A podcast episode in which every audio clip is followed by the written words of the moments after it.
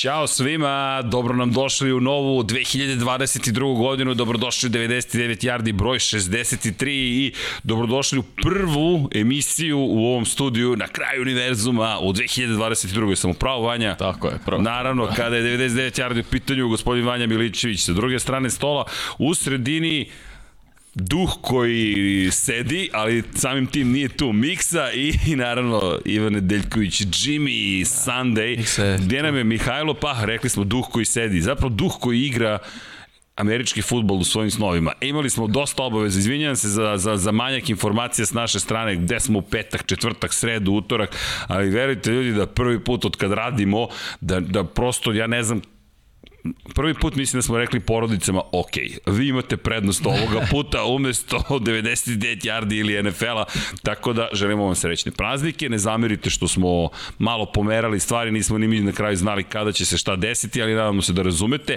a s druge strane, pa evo, game day specijal na dan tako utakmica, je. imamo ekipu na okupu, Miksa mi se nadamo da spavaš, u suprotnom sve je bilo uzalud, šalimo se naravno, ali Miksa nam nedostaje, zato nemamo novogodišnje kapice, to ćemo kada se pojavi miksa, pošto ima tu nekih priča da vidimo kome će pripasti kruna na naredne nedelje, da li će nositi krunu ili ne i tako dalje i tako dalje. Ali prvo želimo vam da budete u novoj godini srećni, zadovoljni, da budete učesnici možda ili da prisustvujete mnogim dobrim utakmicama američkog futbola, pa možda da se negde sretnemo u Londonu, Nemačkoj, Americi i tako dalje uživo s vašim omiljenim ekipama, da budete zdravi, pravi, da vodite računa jednim drugima i da se mazite i pazite naravno. I želim vam dobro jutro, pa nadam se da ste sa nama, pokušat ćemo u dva sata sve da spakujemo zašto. Ovo je game day, tako da ima mnogo posla oko priprema i mi ćemo od 19 časova, neki naš će već biti na sport klubu, neki će biti u 22-25, neki će biti i u 20, neki, neki će biti i uživati. Da, da. Gde ćeš ti biti u 22? Ne, ja ću ja se biti kao najboljeg drugog, gledat ćemo vas, tako da a, to je okay, plan. Da, Kao to da. je nedeljna tradicija. Jeste, a duh koji, duh koji igra američki futbol će biti od 22-25 i od 2 časa da, standardno da. Sunday Night Football, tako da ćete čuti miksu večeras, a umeđu vremenu mi ćemo da pokrijemo i prethodno kolo, ne veze što je prošlo 7 dana, pokrećemo na ovoga kola, pričat ćemo o tema koje ste videli u thumbnailu, a pričat ćemo naravno i o Johnu Medenu, ljudi, ja bih krenuo od Johna Medena, zašto? Pa, nažalost, preminuo je, ali velikan ovoga sporta je ostavio tako mnogo iza sebe. Deki ja to Dejan Potkonjak, pozdrav Deki Upa i pa Živković, Pavle Živković, u Lep Sentisik često pričamo, kada neko nas napusti, pogledaš šta je ostalo iza tog čoveka. Iza Johna Medena ljudi ostalo je tako mnogo. Osvojio jednu da. titul kao glavni trener, ali to je samo statistički detalj. Preneo je energiju, ljubav, emocije i stvorio naziv Meden, igrica je tu, koju ja mislim da će zaovek da živi. Da. Ovo je stara verzija do 2022 dva je upotrebi, ali dobro. I stići će u studiju, nemojte da brinete. U svakom slučaju, ljudi, ćemo krenemo od Johna Medena. Nije to bila priča nedelje, priča nedelje je bila na thumbnailu, ali da krenemo mi od Medena, mislim da je zaslužio to. Slažem se u potpunosti, čovjek je bio igrač, čovjek je bio trener i komentator uh, NFL-a. I njegovim rečima on je rekao, nik, nijednog dana sam nisam očekao da sam radio, cijel život sam se zabavljao u tom smislu da sam radio ono što sam voleo, ko što rekao, bio igrač, nakon toga je bio trener i onda je uh, i dalje ostao u NFL-u tako što je bio uh, komentator i to je radio zaista na jedan nesvakidašnjan način na jedan originalan način i mnogi ljudi su, mislim, voleli, bilo je onako, či ako se ne vram njegov poslednji, a, da li poslednja utakmica ili poslednji Super Bowl koji komentarisao bio je Arizona protiv Jest. Steelers. Da, da. da. On je čuveni pick six, James, James, James, James I čuveni Arizona. pick six i čuveni s Antonio Holmes u čošku i svašta je tu bilo čuveno. čuveni Super Bowl. Jeste, jeste. Tako da, kao što ti rekao, Srki, stvarno veliki trag je ostavio za, za američki futbol, za NFL, cijelu jednu eru obeležio ako se ne vrlo bio trener Oakland Raidersa. Jeste. Da, da, pa, Oakland pa, Raidersi.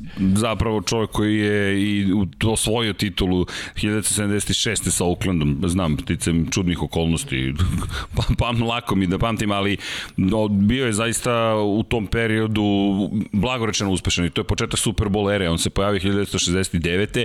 i tih 10 godina je na jedan način obeležio čovjek koji je konstantno bio prvi u svojoj diviziji, kada pogledaš njegove rezultate u suštini kada pogledaš regularni deo sezone, to su impresivni rezultati. Jednostavno gledaš i kažeš sebi, ok, ovaj čovjek je znao šta radi.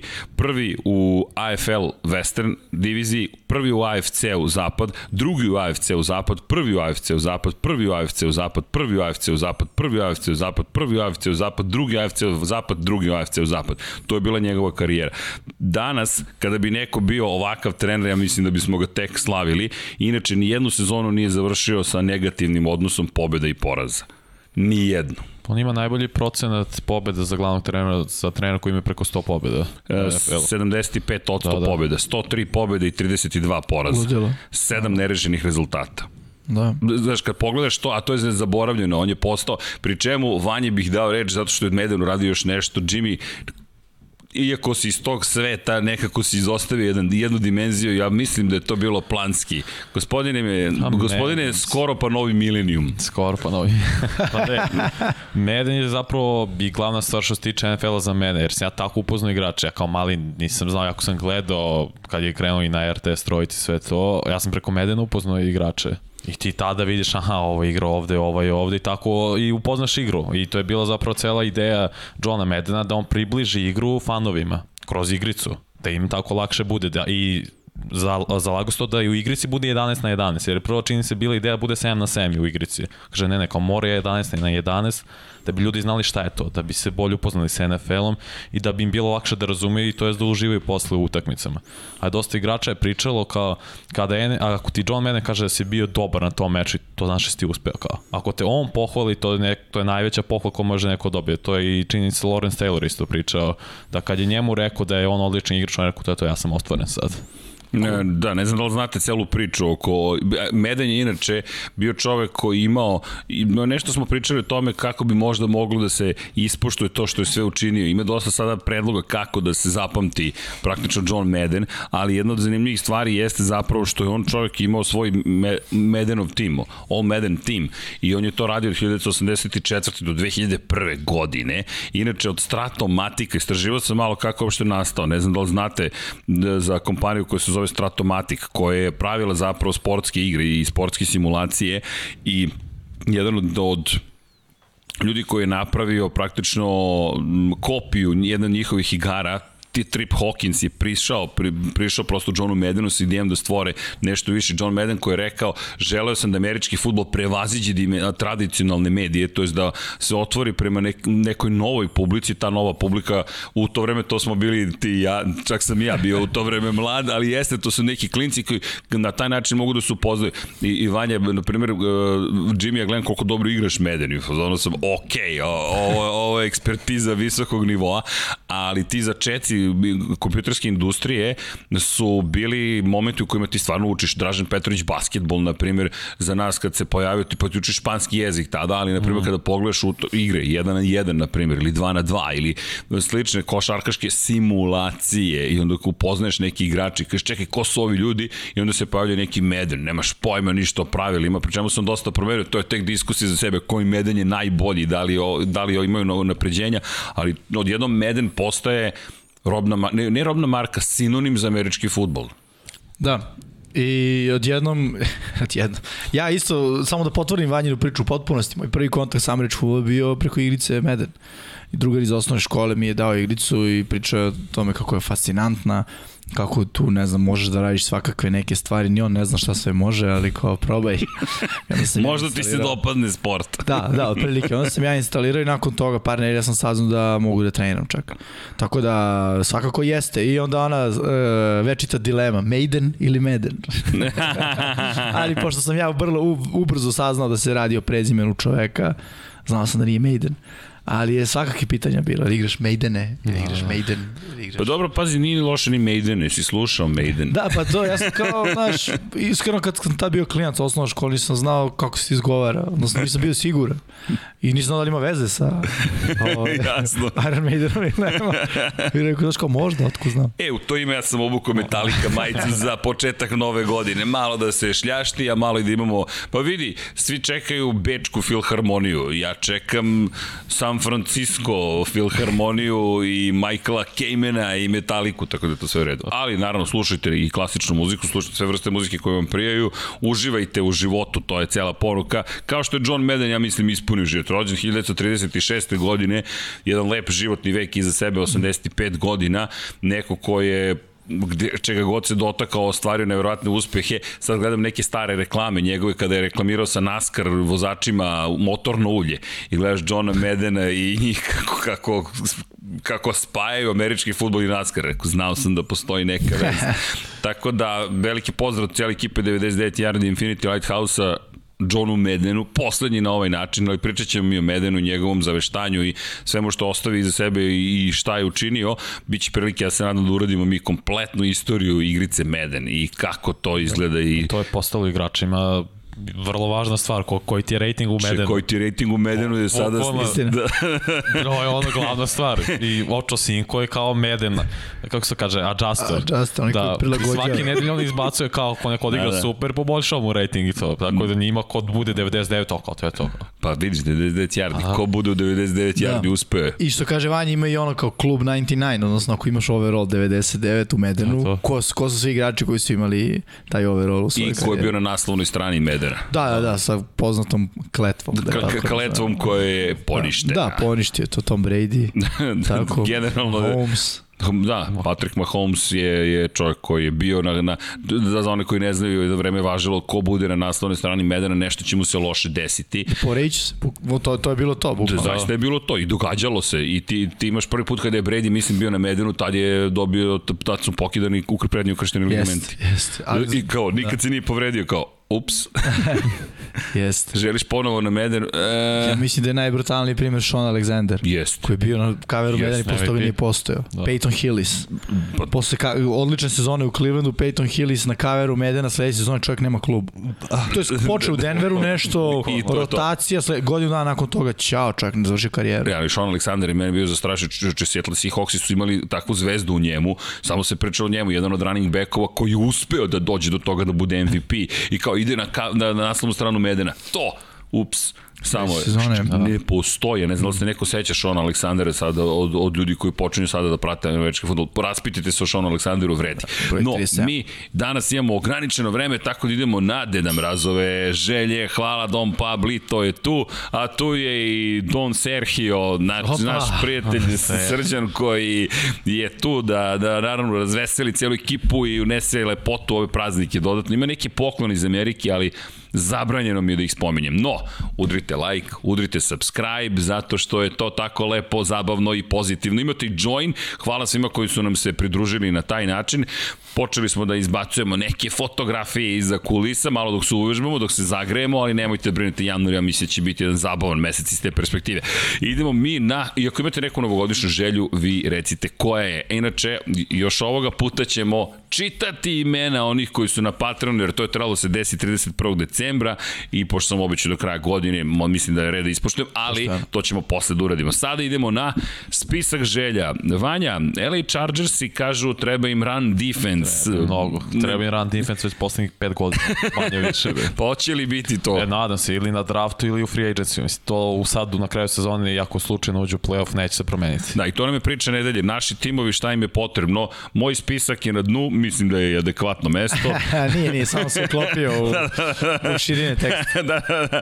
Ravensima je potrebno zdravlje, Eaglesima decision making Jalen Hurts. Pa, mislim, šta drugo, da, da kad vidi da baci, da reaguje, da, da, da ne čeka. da spoji oči sa nervima, ono, koji, koji kontroliš izbačaj lopte. E, ali dobro, vi imate i do... Imamo, imamo, ali Imate. to je trenutno prepreka. To mora da, mislim... Glavni prioritet. Znaš, ove sezone kad je, moramo da, da, da podvučemo da Eagles imaju novog trenera glavnog i novog startnog quarterbacka i nisu to male stvari.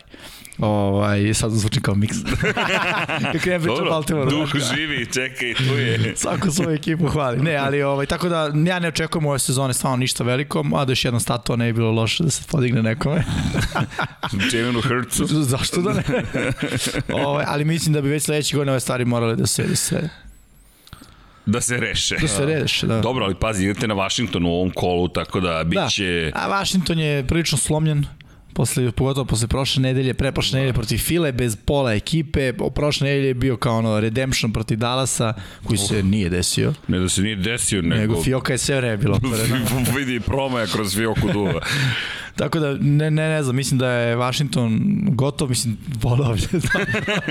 A to treba bude, to, to treba se... E, čekaj, izvini, ti pitam, to verenički prsten? E, nije, ovo je Čekaj, prsten- ovo ne možemo da mu većamo, ali ovo je prsten šampiona. šampiona, jeste. Uh, jedan od, od igrača iz ekipe imao priliku da a, napravi nekoliko ovih prstenova i eto, ja, meni je pripala čast jednom od ljudi, da kažem, iz ekipe koji je dobio ovaj prsten, radimo o tome da cela ekipa dobije, ali da, ovo je šampionski prsten koji smo mi sami uradili i ideja je da, eto, ono, repliciramo to što postoji a, u svetu američkog futbolu, u Americi pre svega. Da, kada osvojimo da imamo šampionski prsten, tako da nas Će biti onako preuveličan, pa, Swarovski kristali. Uf, to je bilo zlato, divno, ali mislim da će Fioka da radi. da nas pozmaše neko iz Fioke.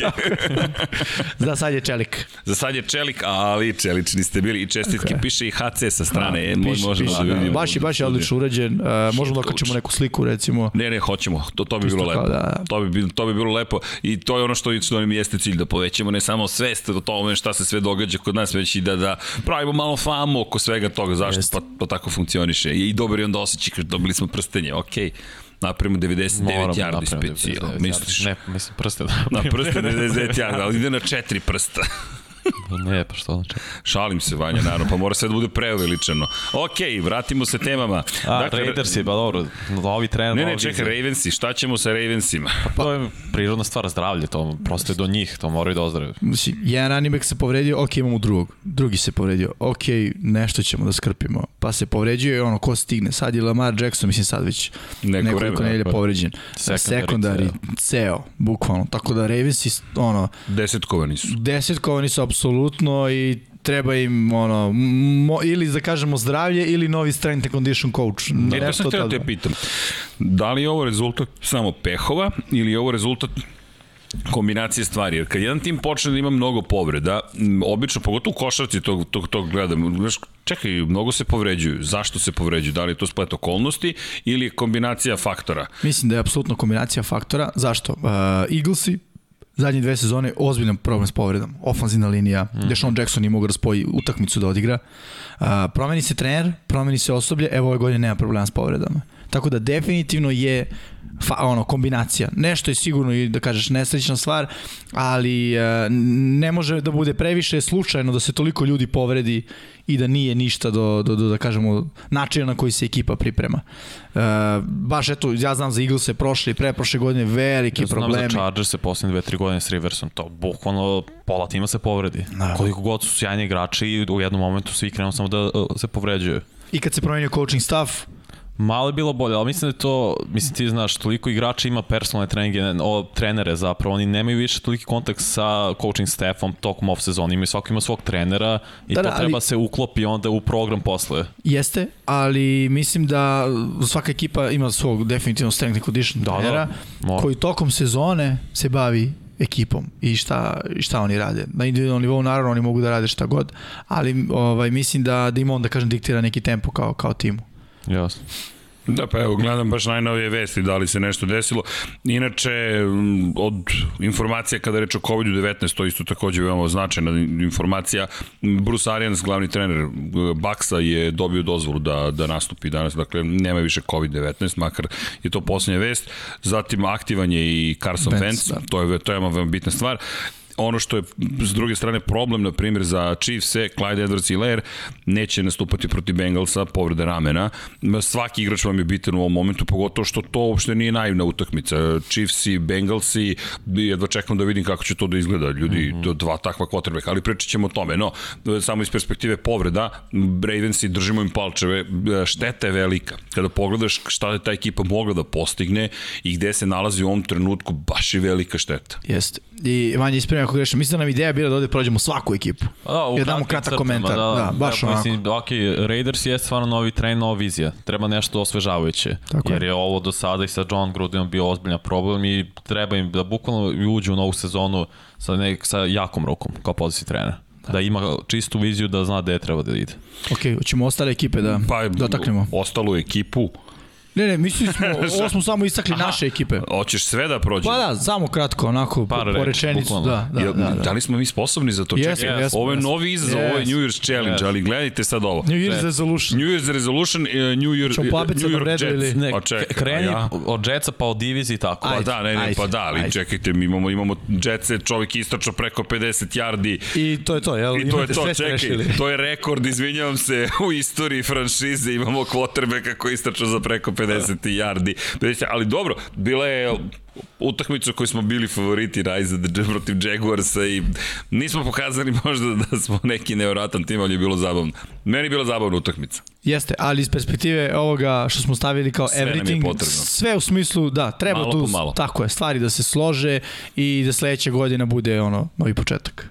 Ok, hoćemo da idemo od istoka Da, da. Da. AFC-a. Istočna divizija. Buffalo Billsi su sada vodeći posle pobjede Da. na New England Patriotsima. Buffalo. E, treba im da nastave da rade, ja bih rekao šta im treba, da nastave da rade ono što su radili poslednjih par nedelja, a to je uključi ono run game. Konstantnost. Mm. I Josh Allen da bude na ovom nivou. Ja mislim da on uvek na ovom nivou, samo je poenta da li ima još trčanje koje će da ga onako... Podršku samo. Tako je, bukvalno. tako je. Ok, New England Patriots? Sazrevanje Mac Jones. Po- Podizanje igre na novi nivo. To je. Pa dobro, to je sad prirode stvari, on je Novajlija čovjek i ovo što je postigao je već ozbiljno. Gledam Beličikove pohvale, što, što na račun, hajde, Meka Jones, ajde da se držimo Meka Jonesa, sad doći ćemo do, do Jacksonville-a, ali ne znaš da li je čovjek re, rešio da ga uništi, da, ga pri, da, da mu kaže sve najlepše stvari da bi, da bi ga pripremio za uništenje, ili, ali obično Beličik i govori ono što misli. Da, Kada je reč o Meku Jonesu, rekao je, ej ljudi, on stalno napreduje iz nedelju, nedelju, iz nedelju, nedelju i konstantan je, kaže da je najkonstantniji igrač zapravo u ekipi u kontekstu discipline, što mi to zvuči poznato kada je reč o disciplini, tako da ovo super za Meka Jonesa, da, asocijacija i, i poređenje sa Tom Bradyem su neminovne, to mu je sudbina, pa dok ne bude veće od bih, toga. ja bih rekao šta treba Patriotama još jedan prsten. Još jedan prsten, opa! Realno deluju kao spremni ove sezone, Ej. iako je Mac Jones tu. Da, vidi, Mislim kao ruki. Ne, ne, Mac Jones od- odrađuje dovoljno. Da. Znaš, imaš situaciju, znaš i sam kada je dovoljno. Ali, Miami Dolphinsi. Deshaun Watson. Uuuu, Vanja je bio spreman. 7 poraza u nizu, 7 Od- pobjeda u nizu. Odmah Deshaun Watson. Pa ne, O, ne. to je ono, tu, sa tu možeš na malo da pobeđuješ, ali ne možeš ono veliko. Ali čekaj, Ajde ali mislim da ga čeka, sad je ovo test, ove dve nedelje. A, mislim da su Dolphinsi pronašli formulu. A, gledao sam ih ove nedelje i počeo sam gledam malo unazad šta se, šta se dešavalo, kako vežeš 7 pobjeda. Vežeš tako što si konačno počeo da radiš playbook koji odgovara tuj. Play actioni, uh, double optioni, triple optioni, vari, ono, stvari koje njemu leže i ne forsiraj njegova dugačka davanja. Baci loptu za 2 sekunde, 3 sekunde, maks. Bacaj loptu što pre. Šta im treba? Da ostanu konstantni do kraja i da se drže tog game plana. Vidi, sedam pobjeda, kada pogledaš jedini tim koji ima više pobjeda, Kansas City, koji im zaređa osam pobjeda, a pričamo o ekipi koja je već osvajala titulu, tako da Miami, okej, Ajde da vidimo, moje mišljenje je da im sada da im je potrebno pobeda. I ove nedelje, i možda to zvuči jednostavno, ali ljudi, oni ako zabeležiš ove dve pobede, haos u AFC-u. Haos kompletan u AFC-u. Sada su sedmi. Sada su sedmi, pazi, a osam pobjeda, sedam poraza imaju, tek su treći u istočnoj diviziji. Ta divizija je postala odjednom mm. Uf, mnogo moćna. New York Jetsi, ok. To smo rekli, konstatovali, nema, nema ništa dodavati. Ostajemo na NFC-u, a? Da, idemo na sever. Hoćemo, ili hoćeš da se prebacimo na NFC? Ok. Može. Sever AFC-a, Cincinnati Bengalsi, 9 pobjeda, 6 linija. poraza. Čuvaj Baro. Odmah. Mislim, to, to nije rešivo sad, ali u budućnosti draftu i ofenzivni tekla čuvaj Baro. Jedan. Ja, ja bih se složio i samo dodao ono konzistentan game plan. U smislu isto da se pravi dobar miks i da se ne forse, da se ne, ne, ne grize uh, da igramo igru koju nam forsiraju protivnici, nego da imaju svoj game plan i da ga se drže. Ok, da To se ne menjaš treba. u skladu sa onim što se događa preko puta, mm, nego držiš se sebe. Ok, Baltimore Ravensi, 8 pobjeda, 7 poraza, A upravo rekli smo svim već, povredama. zdravlje, da. Zdravlje, ok. Pittsburgh Steelersi, 7 pobjeda, 7 poraza, jedan nerešen utakmica. Novi quarterback. Novi quarterback. Nisi ispalio ime odmah. Ne znam. Ne znamo ko je. ne znam, da, ni- niko ne zna. Ni, ali da šta uzimaš? Ja uzimaš tražiš ime. Ne, to, ej, može ime ako imaš ime. Russell Wilson. Russell Wilson. A, svi ga hoće, ali Da, ali da li, da li, Da, da li da on vidim hoće? i Rodgersa što je najgore. Sumnjam. Rodgersa? Ne, ne, ne, ne, ja mislim da će Rodgers to. sada i na happy place. Da. Da, da, da. Vidi, ako bude odlazio, ja mislim da će on želiti da to bude baš bombastično. Ne znam da li su mu Pittsburgh Steelersi dovoljno bombastični u Spasiš. kontekstu. Franšizu s najviše titula. Možeš. Ne, Maltene. nešto drugo. Pittsburgh Steelers su kao NFL ekipa mnogo bombastični, ali on nikad nije bio na velikom tržištu u kontekstu toga da igra domaće utakmice pred ogromnom količinom ljudi i medijske okruženosti. Pittsburgh ima veliki broj ljudi na stadionu, ali medijski to je istočna ili zapadna obala. Samo moje razmišljanje. My two cents. Ali idemo dalje. Cleveland Browns i 7 pobjeda, 8 poraza. Au. Au. Ajde, izgovori. Izgovori. Da, ajde, Volio bih da ajde. vidite osmeh i kod jednog i kod drugog. Ok, A, evo ja ću da kažem moje mišljenje. Treba im bolji ofanzivni plan. ok, ok. Enough said. Vanja, Zdravlje im je treba. Neće odmah na Bakeru. Baker je povređen ove godine isto. Koliko i ofenzivni dakle, i hvatači, tako i zdravlje. Pa mislim da ste lepo rekli, zato što ne, svaliti sve na Bakera Mayfielda ne bi bilo u redu. On je ušao kao povređen u onu utakmicu, jeste odigrao loše, veoma nekoliko potesa su, je bilo katastrofalno, ali ni sudije se nisu proslavili u nekim situacijama. Ne volim da svodim na sudije, nisu mu pomogle svakako, ali on sam je napravio neke poteze koji su bili zastrašujući i Kevin Stefanski snosi ogromnu odgovornost u ostalom, ukoliko on nije bio spreman za tako važnu utakmicu, ne možeš da ga staviš, jer taj dečko onda dolazi u situaciju da će biti žrtvovan svakako, ili dolaziš u situaciju da ne planiraš da pobediš jer si rekao, e, kako se desi, desi se. To, to nije dobar plan. Ne sam, to je jednostavno Stefanski i njegove ideje da treba da bacaju loptu u momentu kada trčanje apsolutno gazi protivnika, meni će uvek zauvek biti zbunjujući. Ali, ok, lepo, si- lepo ste rekli. To je to. Idemo na jug AFC-a. Tennessee Titans i 10 pobjeda, 5 poraza. Derrick Henry. Isto. Ok, tačka. Samo to im treba. Samo to, da, deluje dosta, dosta upečatljivo. Mm. Indianapolis Coltsi, 9 pobjeda, 6 poraza. Ajde, ajde, ajde, Ajde, ajde. Ajde. ja, Ajde, cele godine. Ajde, Si advokat pakla. Šalim se. Uh, ajde, ja ću, može. može. Uh, bolji ofanzivni plan. Ne bih svalio isto na Carsona Venca, svalio bih to na Rajha koji takođe zna da se ono ponese, da ga ponese moment. Znaš koliko ti je quarterback izvini ograničen, Tako drži ga u tim znaš okvirima. koliko ti je ofanzivna linija dominantna, znaš koliko ti je running back dominantan. Ono, igraj na svoje snage. Broj 1 hvatač. Hmm, dobar, Da, da. dobar. Mada to je Pitman, ali da, Da. znam, znam na šta misliš. Da, da. Da, neko ko će, ok, ko, ko će da pojača to, da, da odvuče i, Tako i odbrambene igrače i da bude neko ko ti je opcija da nadigra odbrambene igrače u momentu Tako je. kada ti je to Ti je potrebno. potreban play da on bude tu. Mhm. Da, mm. upravo si Vanja, lepo. Uh, Houston Texans, 4 pobjede, 11 poraza. Čudo. Draft kapital. Ne, ne, draft kapital. Draft kapital. Traduj Watsona, dobi što više može. Počni budućnost. treba im da traduju Watsona. Da. Do, Pa, podržavam. moraju da reše Jer- pitanje Watsona. Da, hemija ne postoji, on tu ne želi da bude, Tako. oni su pokazali da nešto mogu da urade i bez njega, u smislu nije ono kao uh, nemamo ništa, ovaj Davis Mills koliko sam ja čitao neke stvari, informacije, u Houstonu su spremni da idu u smeru Davisa Millsa, on je ruki, Tako? to ne smo zaboravimo, nekako tog momka smo, mislim kao potpuno prevideli, nije on ni bio neki visoki pik, Je. nije se o njemu pričalo uopšte, ali se pokazalo da može da pobeđuje u NFL, mislim ljudi trebujemo realni, ako si pik koja beše druge runde, Pa možda i kasnije, možda. Ne, nisam Ajde da kažemo, ako si pik druge, treće runde i quarterback od koga se ništa ne očekuje, koji si koji je draftovan da bude backup i ti pokažeš da možeš da igraš u NFL-u, za mene je to big Sve je stvar očekivanja. Da je bio pik prve runde da je igrao ovako, bilo ok, kao to smo očekivali, pošto je ono što si rekao, sve niže i niže bio Da. da. izabran kao wow, ovo je super. Treća runda drafta. Da, da. Treć, eto, Evo, provjerio sam. Treća runda drafta. pika treće runde drafta na poziciji quarterbacka ne očekuješ ikada da startuje. Momak ima- Osim ako je neko povređen. 23 godine, na Stanford, Ok. okay. na Stanford, Stanford, Stanford. lagano, znači taj će bude odličan. Tako da deluje kao neko ko ima pedigre koji smo nekako propustili svi da primetimo, ali to je ta situacija sa draftom, uvijek će ti neko pobeći. Idemo dalje, Jacksonville Jaguars. Spasioc. Uh, treba im mudar potez na poziciji trenera. Hoćeš odmi ime? Doug Peters. Doug Peters. Da, to si ti ispomenuo, čini mi se da li uh, na snimku ili van, ne mogu se setim, prošle nedelje, ali ok, ja nemam ime, iskren da budem, uh, ali treba im neko ko će da ono, uh, da, bu, da bude dobar izbor i da razume situaciju u kojoj se nalaze. To ono, mladi igrači, uh, nedostatak morala, Bill nedostatak neke plan. Pa.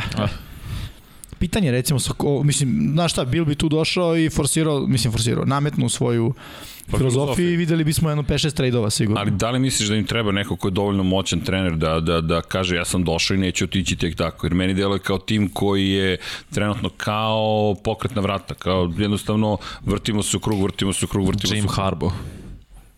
Tako jaka ruka im treba. Neko ko je toliko... E, ne znam, Koliko je znaš- Kan tu bitan? Da te podrži i da kaže, ej, evo dajem ti Mora. Nije bitan.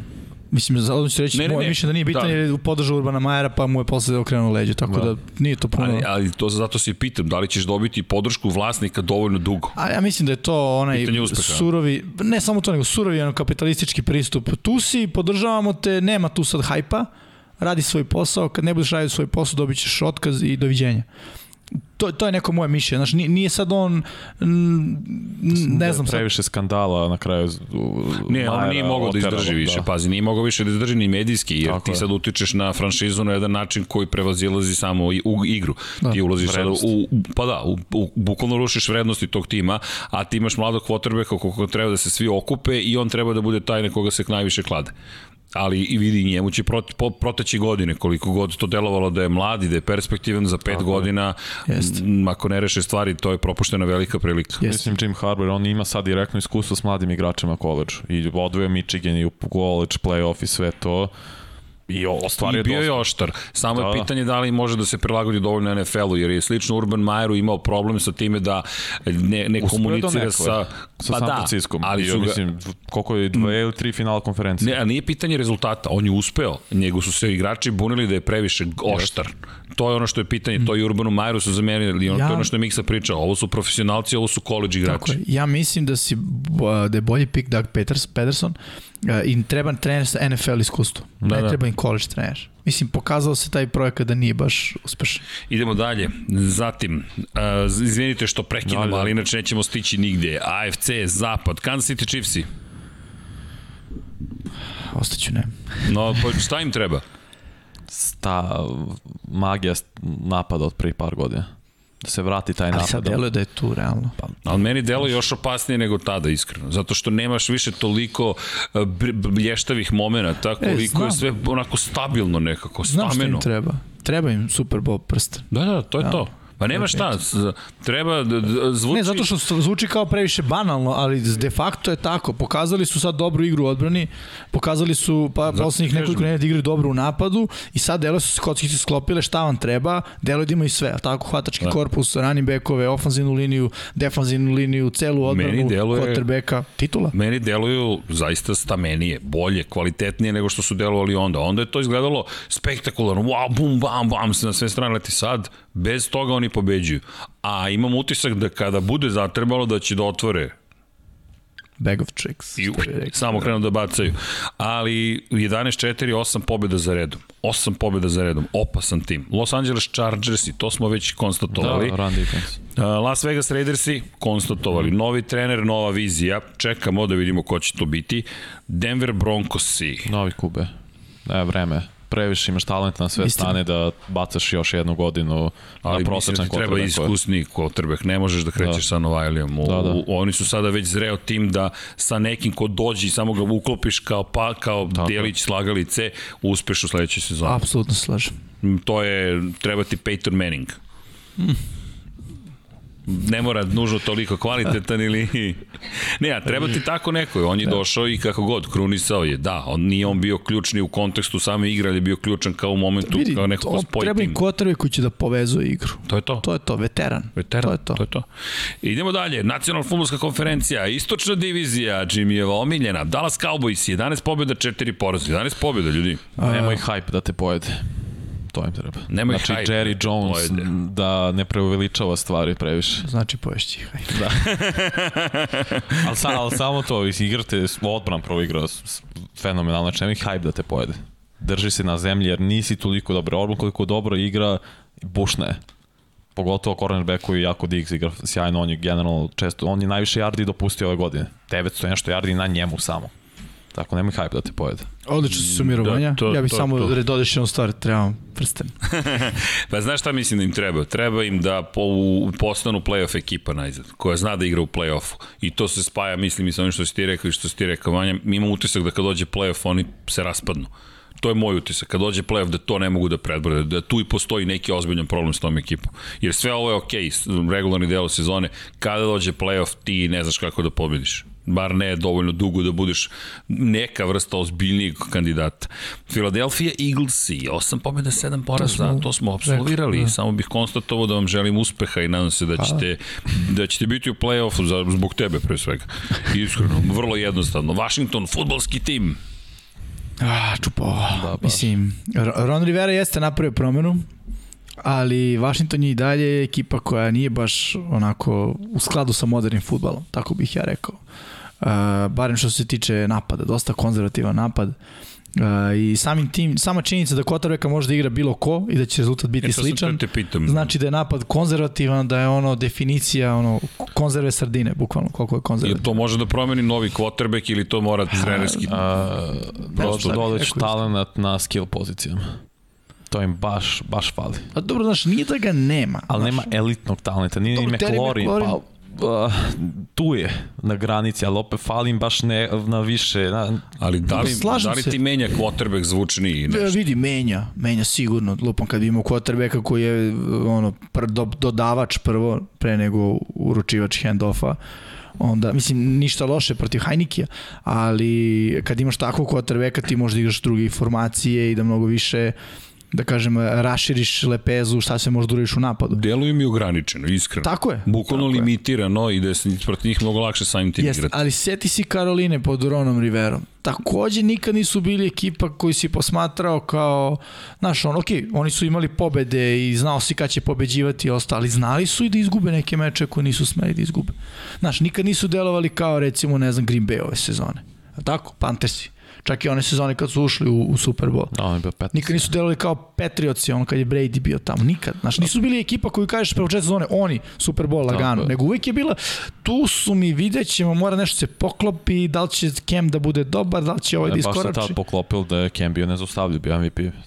Jeste. To, e, to se desilo. I slažem se i ovo, i ovo onako nekako podlači ono u tvojoj teoriji, treba im u napadu zvezda. Jer trenutno oni nemaju zvezdu u napadu. Antonio Gibson nije zvezda u NFL-u. Dobar je, ali nije zvezda. Terry McLaurin, realno nije zvezda. Možda nabrojiš 30 hvatača ispred njega koji su dobri. Ne, ne, nije on loš, ali nije zvezda. Znaš, ono, zvezda je CD Lamb. Star power. Da, da. Tako Neko je. ko je baš zvezdano biće. Tako je. Tako Ok, je. ali tu šest pobjeda, devet poraza ove sezone nema, ja mislim da nema pomoći. Idemo dalje, New York Giantsi, 4 pobjede, 11 poraza. Restart. Quarterback. Restart quarterback. Restartovati quarterbacka. Dobro, njima treba baš mnogo sreće zapravo u celoj priči. Da. M, Moje mišljenje, ajde da vidimo, je li glavni trener, ovo rešenje na poziciji glavnog trenera. Ovaj čovjek može da nosi Giants. Vidi, ja bih mu najgore od svega što smo videli onu vest da su Giantsi odlučili da zadrže i Judge-a i Danija Jonesa. Nije toliko loša vez za Judge-a koliko je loša vez za Jones. Mislim, ne znam šta više očekuje da će videti, iskreno. Ne znam koja je uopšte ideja. Da, ali pri čemu, a ko bira quarterbacka? Judge je taj koji bi trebalo da bude taj koji kaže... Gettleman je birao. E pa, GM. je li Joe Judge onda rešenje za tu Nije mislim da franšizu? Judge nije ni bio od prve godine. Nije, nije, ja mislim da nije. Ne, ne, ne, ali da, ko sada bira? Ko će za sledeću godinu? Ti zadržavaš Danija Dimesa i koja je poruka? On mora da bude startni quarterback Da, ili ne mora? Pa mislim, to, je, to si lepo rekao, ne znam koja je poruka. Znaš, možda i ovo ona jedna od onih poruka za kraj sezone. Ne, ne, ne, verujem u njega i onda sledeće sezone, evo ga Russell Wilson. Tako je. Ali bit će otvorena borba. Za Sem ako ga, sem ako ga ne tradaju za Russell Wilson. ne, ne znam da, okej, primio, okay, ali neko ti to okej, vredi, znaš, šta, mislim da je ovo ona, klupu. da, da, je- da je ovo ona marketinška kao poruka, ne, ne, mi smo 100% uz njega, da dovedemo Russell Wilson da pojačamo konkurenciju i ubedimo Jonesa bude bolji, a nije uspeo, katovat ćemo ga u trećoj nedelji. ok, ovo, to moram da zapamtim, ovo moram da zapamtim. Kapitalizam.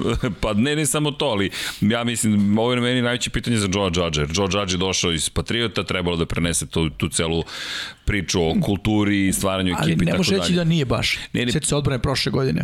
a, Evo i ove godine sada, ok su. E, ali to je sad test. Prva godina će uvijek biti uslovčeno, neću reći lakše, ali tu će ti dozvoliti sve i svašta i desit će se stvari. Ali e, gde ljudi posustanu? Ne kod prve godine nego kod treće, osme, sedme, što, što vlasnici, što sami treneri. O, čekaj, pa sad idemo iznova. Pa do sad smo radili, pa iznova. Svaki dan. E, tu je Beliček, e, proslavili smo titul. Super, aj sad završi s time i nova sezona. Od nule krećemo. To, to je ono što je pitanje, da li oni mogu ono što si rekao reset da urade. NFC Sever. Green Bay Packersi. Titola. Pa da. Titula. Da, pa dobro vidi, oni su sada... skockano. Kruniš oni, i poslednje tri da, sezone. oni su skockali sve i što kažeš Vanja 3, ovo nije jedna sezona. Dva puta si bio u finalu konferencije, ti sada moraš da uđeš u Super Bowl. To, to je prvi korak, moraš da uđeš u Super Bowl. Ako ne uđeš ponovo u Super Bowl, koliko god sve trenutno delovalo idilično, šta će biti s kućom naredne godine? Ozbiljno, jest. ljudi, baš je, bu- bukvalno što kaže Srđan, deluje da će se srušiti. Delo je da će se srušiti. To je, to je utisak samo moj. Jeste. Jer Green Bay, ovo je all in. Ovo ušao si u Vegas i rekao si, evo, sve. Dobro, rekli su Last Dance. O, Rodgers i Adams. Ajde da vidimo da li, da li je zaista poslednji, da li će se tako završiti. U, toj, u, toj, u tom scenariju Rodgers baca pobedni za pobednički touchdown na kraju utakmice i osvajaju Super Bowl. Evo Srđano već nije dobro. Srđano već nije dobro. Dakle, već je... Samo se ču... Isica je sam vazduh. Ali to je, to je, to je, implozija se desila u studiju, ali to bi moralo da se desi ako je to poslednji ples. Dobro, držim palčeve. Ljudi, kogoda osvoji titulu, ja bih volao tako da se završi Super Bowl. Minnesota Vikings, 7 pobjeda, 8 poraza. Novi trener, vreme. Da. Da, Zimmer mislim da je već pokazao sve što može da učini. Da, to je to, maksimum je dosegnut. Da li je to ova sezona ili su bile prethodne, ne znam, ali više od ovoga što smo do sada videli, bojim se da se neće desiti. Jedno finale konferencije, ako me dobro sećanje služi, da. to je to. Vidiš, recimo, oni su ekipa kojima bi glavni trener sa koleđa dobro došao u ovom trenutku. To je moje mišljenje. Imaju odličan miks uh, ta, uh, veterana, i mladih igra, oni nemaju puno ruki o kojima sad pričamo. Justin Jefferson nije ruki više, da, da. igra kao veteran. Mislim da te razumem. Misliš da je neko ko ima malo svežiju filozofiju tako od da, Zimera. Tako, Zimmer je kao Rivera, predstavnik jedne starije škole malo. Jest. I ti kada pogledaš to je oslanjem se na odbranu, ali to više nije dovoljno. Po, uz promene pravila, uz možemo reći hipersonične quarterbackove, ti sada moraš drugačije da igraš, moraš mm. drugačije da ih koristiš. A oni to kao da nisu shvatili. Tako je. Ok, idemo dalje. Chicago Bearsi.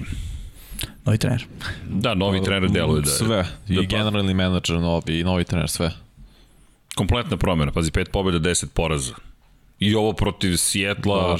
Malo više nije bitno, mislim. Ne znam šta, me, za mene je to bila tragedija Sjetla više nego uspeh da. Chicaga. Iskreno. Ugledajući onu utakmicu tamo doći ćemo i do Sjetla. Detroit Lions i dve pobjede, 12 poraza. Treba im da nastave da. ovako. To je to. Buk. Naši su, naši su formulu koristite mladi igrače, veruju Gofu, uh, veruju što je Vanja rekao ofanzivne linije da će biti bolje i bit će bolje i već je bolja. Ej, taj tim nije toliko loš. Nije uopšte loš. Sledeće godine neće uopšte biti loš. Da pazi, niko od nas nema neko loše mišljenje. To nije to onaj Detroit gde je sve šuplje, gde sve se raspada. Oni su mogli da dobiju više utakmicu od ovoga. Najgore mišljenje o Detroitu smo imali pre početak sezone, što je odlična stvar. Znači da su, pre, da su tokom sezone uvek prebacivali naše očekivanja. Gubili su tesno mečeve protiv ozbiljnih ekipa, da, da. ulazili u onu produžetke, imali taj nerešeni rezultat i sve, tako da ono, maksimalno su prevazišli očekivanja. Dosegli su nadir, ja bih rekao, na početku sezone. To je to, to je bilo dno i sad krećemo na gore. Goff koji je došao, svi smo se nekako, neću reći smejali, ali nije bilo daleko od toga šta ćete s golfom. Na kraju golf možda ima svoju priču u, u svemu ovome. Možda. Da. Vidjet ćemo. Idemo dalje. Jug, Tampa Bay, Buccaneers i NFC, 11 pobjeda, 4 poraza. Prst. Prst. Prst, ma da, oni su sklopili. Mada i oni sa zdravljem malo bi... Isto, da, da. Tu, tu, je, tu, tu je najveći, tu je dosta bilo, tu je dosta, bilo je problema sa zdravljem, ali deluju dalje da su spremni u pravom trenutku da, da Da i dalje imaju pa, dovoljno kompletan. Vidi, Evans će se vratiti, je tako? Hoće. Evans Treba hoće, okej. Okay. Fournette. Da. Kada, ne znam. Nemaju Gadvina, ali imaju Brauna, imaju Titendove. Uh, što kaže, treba Fournette da se vrati. Odbrana isto, secondary isto povrećen. Secondary od početka baš... sezone nije problematičan. Da, da. Ali generalno ako sklope tim, oni dalje mogu da idu do kraja. Da, da. I dalje su dovoljno moćni u tome. Atlanta Falcons i 7 pobjeda, 8 poraza. Nit vamo, nit tamo. Ne znam šta da mislim za Atlantu. Ne, mislim, vidi, korak front napred. Seven. Ali da, pravo si front, front seven. seven. Treba da se... U... All line, D-line. Bukvalno. I ofanzivno i defanzivno. Mm. Ok. Atlanta, mada ne deluje toliko loše, sam mislim da će biti mnogo gori od ovoga. Ne, ne, ne deluju, ne deluju. Nisu toliko loše, ali bi bili bolji da je pre svega ofanzivna linija bolja, recimo. I odmah dolazimo do New Orleans Saintsa. Quarterback. Quarterback. Deda mraze, deda mraze. Da. Imaju, imamo li quarterbacka za njih? A imaju, Wilson je nabro jedno od timova Saints gde bi teo da ide. To bi bilo zanimljivo da vidjeti. To. Russell Wilson. U toj ekipi. Teš ako se vrati Michael Thomas povrede, to je. I da li vas menja. podsjeća, izvini, Kako ne, se... Thomas ako se vrati iz povrede, to menja napad, popričamo. On je bio najbolji hvatač pre par godina, to A da li vas do, podsjeća možda i na, na situaciju sa Drew Brisom u kontekstu konstitucije koju ima Russell, plus sve što može da, Russell da, da uradi, što nije. Da, da, da. Samo bolja ruka. Bolja ruka, jeste. Bolja ruka jače i može da se kreće. Da. Jeste. Jeste. To deluje kao o, vrlo ozbiljna i opasna 2.0. kombinacija. Vidi Wilson u Saintsima, Saints je automatski, vidimo ih kao finaliste NFC-a. Vidi, bukvalno oni su, ko, ko je tu divizijom da glavni? Tampa ili New Orleans? Pa to bi bilo, da, pitanje. Znaš, jer New Orleans je počistio Tampa u regularnom delu sezone dve godine. Ovakav za redom. kljakav. Ovakav kljakav. Znam misli sa Wilsonom.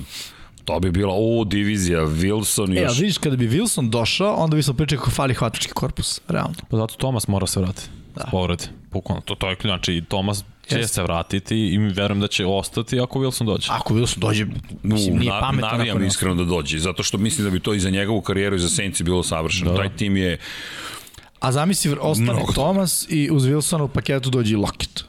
Au ne, ako dođe i Lokita to nije fair, to je Dobro, cheat code. morali dosta daju. To je, to, to je cheat Ja code, ne znam kako je ugovor. da, ne znam zbog kepa. Ali to je to je cheat, ljudi, njih dvojica su spojeni, ne, ono, Da, da. neverovatno kako izgledaju, ali to kad bi se desilo Saints, ali mislim da bi Tampa drugačije pristupala utakmicama sa Saintsima. Sigurno. Mislim da bi to bilo... Ne znam da bi imali secondary da pristupe drugačije, to je pitanje. Pa vidi, uvek postoji rešenje za divizionog rivala. Nikad ne bih pocenio tu, tu situaciju. Pogotovo što mislim da Brady sledeće godine, kada bude New Orleans, da će se posebno spremati za to. Jer ovo, mislim da za njega nije prihvatljivo, ani, za, Da. ni, ani za Bruce Ariansa. Pobedi ih je jednom u pet utakmica, tako, I do to sada. u play-offu činjenica. Da, da, kad je bilo ali, Kad je najbitnije, bilo najbitnije, ali opet mislim da je to onako urezano, ozbiljno. Carolina Panthersi, Quarterback. ko, ko, koliko quarterback, nestašica. Jeste. Jeste. Deluje da, da ih ima koliko hoćeš i na draftu da se samo quarterbackovima se i pričalo, ali odjednom shvatiš da ih nema. Nema, nema, definitivno. Teško je naći taj brutalan talent koji će brzo da se pokaže uh, u NFL-u. Baš sam juče gledao one college ball utakmice i Pa, kako je ono, uf, ona utakmica Ohio State i, Utah, to je bilo bolesno dobro.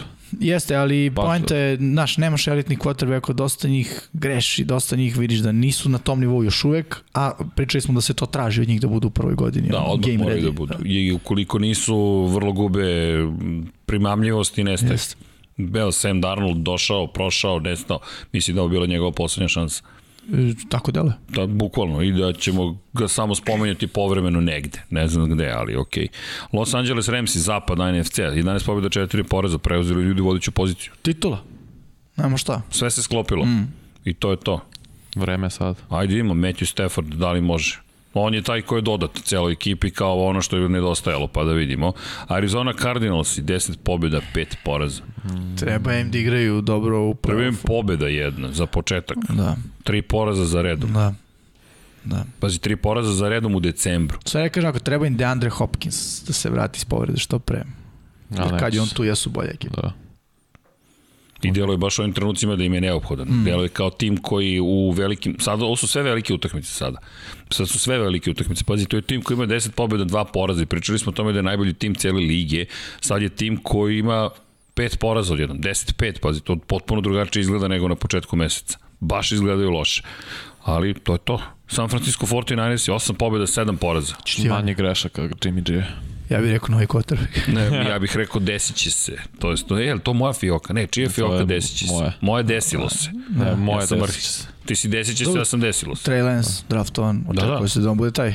Da, naredne godine da će se to desiti. Ajde da vidimo da li mogu nešto da učini na kraju do kraja ove godine. Imamo još dve utakmice i dolazimo i do toga i Seattle Seahawks i 5 pobjeda, 10 poraza. Rebuild, ne može. Da. To. Ovo je prvi Sve put u, u, u njihovoj u, u, zapravo u eri Pita Carroll da će oni završiti ovako loše.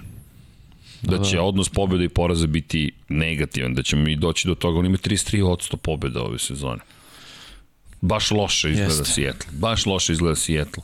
Koliko im vremena treba da se vrate u igru? Dosta. Mnogo. Meni deluje tamo ništa više ne funkcioniše. Dosta. Kako stvari trenutno deluju, ostaće Bobby Wagner, ostaće Jamal Adams, Metcalf i Lockett. To je sve što je, da kažem, vredno pomena. Da, da. da. I na loketu bih završio, pošto imamo dva časa, ogr- ograničeni smo vremenski, pa da vidimo šta se možemo da postignemo. Idemo Dom Pablo na pregled 16. kola. Kola, ono, utakmice po utakmice, A samo da prođemo. Ajmo da iskoristimo, da- brzi ćemo biti. Ok, Okay, može. iskoristimo, sto- ovo ruka mi ušla u kadar, izvinjavam se, izvinite Dom Pablo, dobio sam pogled, dobio sam pogled, šaha, ali da to moramo da vedemo. Kao Možda ima to, mislim, u ovim Sa, uh, sa, efektima. zvučni efekt, što to mora da postoji, svedeš. mislim, ima. 22-16 Colts i Cardinalsi.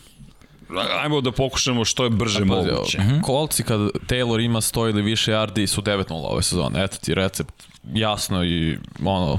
I, Ka, Cardinals i kada Kale Mare baci jedan touchdown ili manje imaju poraze. Tako da. Da, ali, Dva, ali dve stvari su se poklopile. Da. da, i pogledaj Cardinals, 43 pokuša Kylera Mare, 27 uspešnih dodavanja. Ima jedan termin uh, koji su uveli, da kažem, kod nas američki treneri koji su dolazili, to je loose cannon. To je uh, terminologija iz borbe brodova kada opališ đule i ono ili ide gde god hoće. Znači, kad, si, kad, je, kad je neka, nešto u tehnologiji zakazalo da đule ide gde god i onda je opasno može pogoditi tvoj prijateljski brod. Tako da Cardinals su ovde bili u loose cannon modu, 43 pokušaja Kylera Mareja što se tiče uh, dodavanja za, mogu da kažem svega 245 yardi, to mnogo Minimalno. pokušaja za 245 yardi. Da, da. Jedno dodavanje za touchdown, opet, to je problem. Zapravo, problem Cardinalsa što su ih ekipe pročitale i znaju da je ključ uh, da ih pobediš, da Kaler Mare ima Uh, to je da, i, da, da ima što manje touchdown dodavanja. Da onemogućiš da postižu touchdowne dodavanjem, da ih teraš da postižu touchdowne trčanjem. Jer oni tada počne da ulaze u panic mod Mm -hmm. i onda imamo ovo da Kyler Murray ima 71 yardi iz 4 nošenja, što znači da to nisu bila dizajnirana Ne, to je trčanja. bilo beži za svoj to život. je bilo beži za svoj život i jeste im ono jedno veliko uh, To je namestio za touchdown. Posle. tako je, namestio je za touchdown, ali to nije game plan. To je improvizacija. Tako da to je ono problem, problem broj 1. Druga stvar isto gde vidimo veliki problem. Chase Edmonds trkač je najbolji hvatač. Da, da. Sa 8 hvatanja i 14 70. targeta čak. Previše. Šta to znači? Da su sve bile check down opcije. Da, da. Druga hvatačka opcija Zach Ertz. Šta to znači? Takođe jedna vrsta check downa. Tako? Safety blanket, ono što... Tako je. Što znači da su ekipe provalile kako da igraš protiv Kylera Marija i Arizona Cardinals. Mm. -hmm. Safety duboko, uh, žrtvu i pliće Big play žrtve. Tako Oh, je. big play ne big daj. play ne daj, tako je. Tako. Ne daj big play, tera ih da igraju screenove, da igraju check down opcije, da budu strpljivi u svojoj igri, jer oni nisu strpljivi u svojoj igri. Oni su big play ekipa. Kad igraš protiv dobre odbrane kao što je odbrana kolca, oni mogu da te slome upravo time, da ti daju 3-4 yardi pasom i da igraju na kartu da ćeš biti nestrpljiv i da nećeš do kraja da igraš taj ritam, nego ćeš da počneš da improvizuješ. Mm -hmm. Kad počneš da improvizuješ, onda uglavnom imaš probleme. S druge strane, Kolci, Carson Wentz, ja sam rekao, što se mene tiče, već pre par nedelja da je on krenuo da igra sve bolje i bolje. Sad je 28 od 18, 225 yardi, nije to neki preveliki broj yardi, ali 245 yardi Kyler Murray izašlo iz 43 pokušaja, a 225 yardi Vence došlo iz 28 pokušaja. Daleko manje za, da kažemo, skoro pa sličan broj yardi. Da. Dva touchdown dodavanja za Venca i naravno Jonathan Taylor, mislim, čovek svaku utakmicu, ono, gledao sam ga bio na kladionici, njemu je sada granica po meču 100 plus yardi. Manje više. Da, pa ne možeš više. To, čovjek je toliko pouzdan postao da je to besmisleno. Ne, ako se ne veram za utakmicu bilo 107,5, on je isto 108. Tako da ga, ne znam, ne znam koji softver koristi kladionice, ali, Ali su dobri u tome. kapa dole. A reklo bi se da ima novca u tom poslu. Misliš? De, tako mi se čini. Idemo dalje.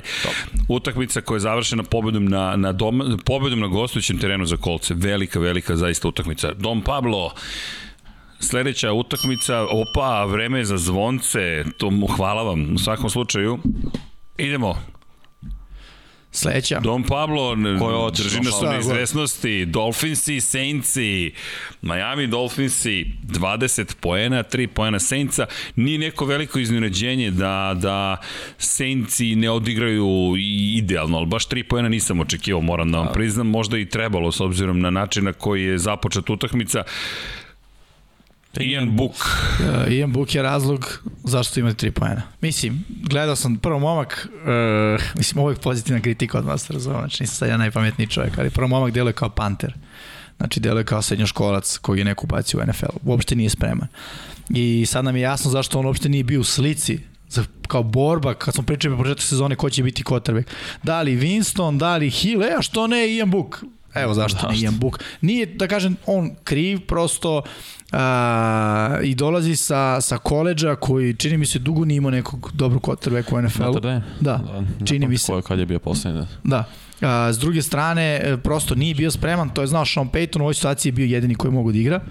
I, ok, 20 pokušaja je imao, 135 yardi, ono, decision making, odnosno donošenje odluka jako loše, što je negdje očekivano za rukija koji nije ni bio projektovan da uopšte bude u priči za startera i onda je šta bilo, ajmo da trčimo, ajmo da radimo neke uh, ono, trik akcije i ostala čuda, naravno nije opajalo Dolphins. S druge strane, odlična odbrana, pokazali su da imaju game plan bukvalno za svakoga što se odbrane tiče. Što se napada tiče, pronašli su Duka Johnsona i Filipa Lindsija. U smislu, a realno, njima je trebalo, Geskin je prošle godine bio taj workhorse. Ove godine definitivno nije. Verovatno je to razlog. Znaš ono kada se uvijek svi pitamo kako ovaj čovjek kad se prvi put pojavi, kako je mogo da bude nedrafto ili pik sedme runde ili ovo ili ono. Redki su oni kao što recimo James Robinson koji nas demantuju i kažu ljudi ja mogu da budem workhorse. A, Geski ne može. I ove sezone se to pokazalo. Međutim, uskočili su ova dvojica kasno, ali pogled po 13 nošenja, jedan i drugi, nije veliki broj yardi. Ali, ali su ti pouzdani. Ej, yes, nose i yes. tu su i ti možeš na njih da se osloniš kad tu nema rešenje, daš loptu i ideš dalje. Tako je. I još jedan čovjek koji kad tu nema rešenje, daš loptu i ideš dalje, to je Jalen Weddle. Wow. Znači, da. pokazao je da je apsolutan, apsolutno pravi izbor na draftu i apsolutno ono što im je trebalo, playmaker u napadu. Tako je. I ono, odličan play calling Tua, 7 nekompletnih dodavanja. Ej. On ima ali... najveći procenat uspešnih dodavanja u prvih 20 utakmica quarterback, što je donekli i opravdao ono zašto je draftan, preciznost. Tua može da bude kube u NFL, samo moraš da igraš njegove snage. Da ga iskoristiš na pravi način. Na pogledaj hvatača broj 2. Smite. Da, tri puta je bio meta, tri puta uhvatio. Ti imaš rešenje i ukoliko ti nije slobodan vedl i ukoliko ti trkači ne mogu da, da, da, ne mogu da dobiju prostor da trče i dalje mislim da imaš jednu vrlo stabilnu stamenu ekipu i zato smo izdvojili Dolphins i Saints, ovo je bitna bila pobeda. To je ta sedma za redom da. i idemo dalje Klikni, da imamo da li će moći. Poslednji dobar quarterback Notre Dame, Joe Montana. Jel? Da. Wow. Znaš, eto. Idemo dalje. Vreme je za Bilse i Patriotse. Realno, ljudi, u, u, ovo je baš bila velika utakmica, važna utakmica. 33-21 za Bilse. Da, i sa aspekta uh, realno game, game plana i ne samo game plana, nego ako snage jedne druge ekipe i prvu utakmicu su Bilsi trebali da pobede. Realno. Mislim, Imali su priliku poslednju napad. Jest, i kompletnija su, u, kompletnija sad je ovo mnogo nezgodan teren da kažem kompletnije su ekipe. Imaju mnogo veću zvezdu na poziciji quarterback. Njihov quarterback trenutno može više od Meka Jonesa, ništa protiv Meka Jonesa.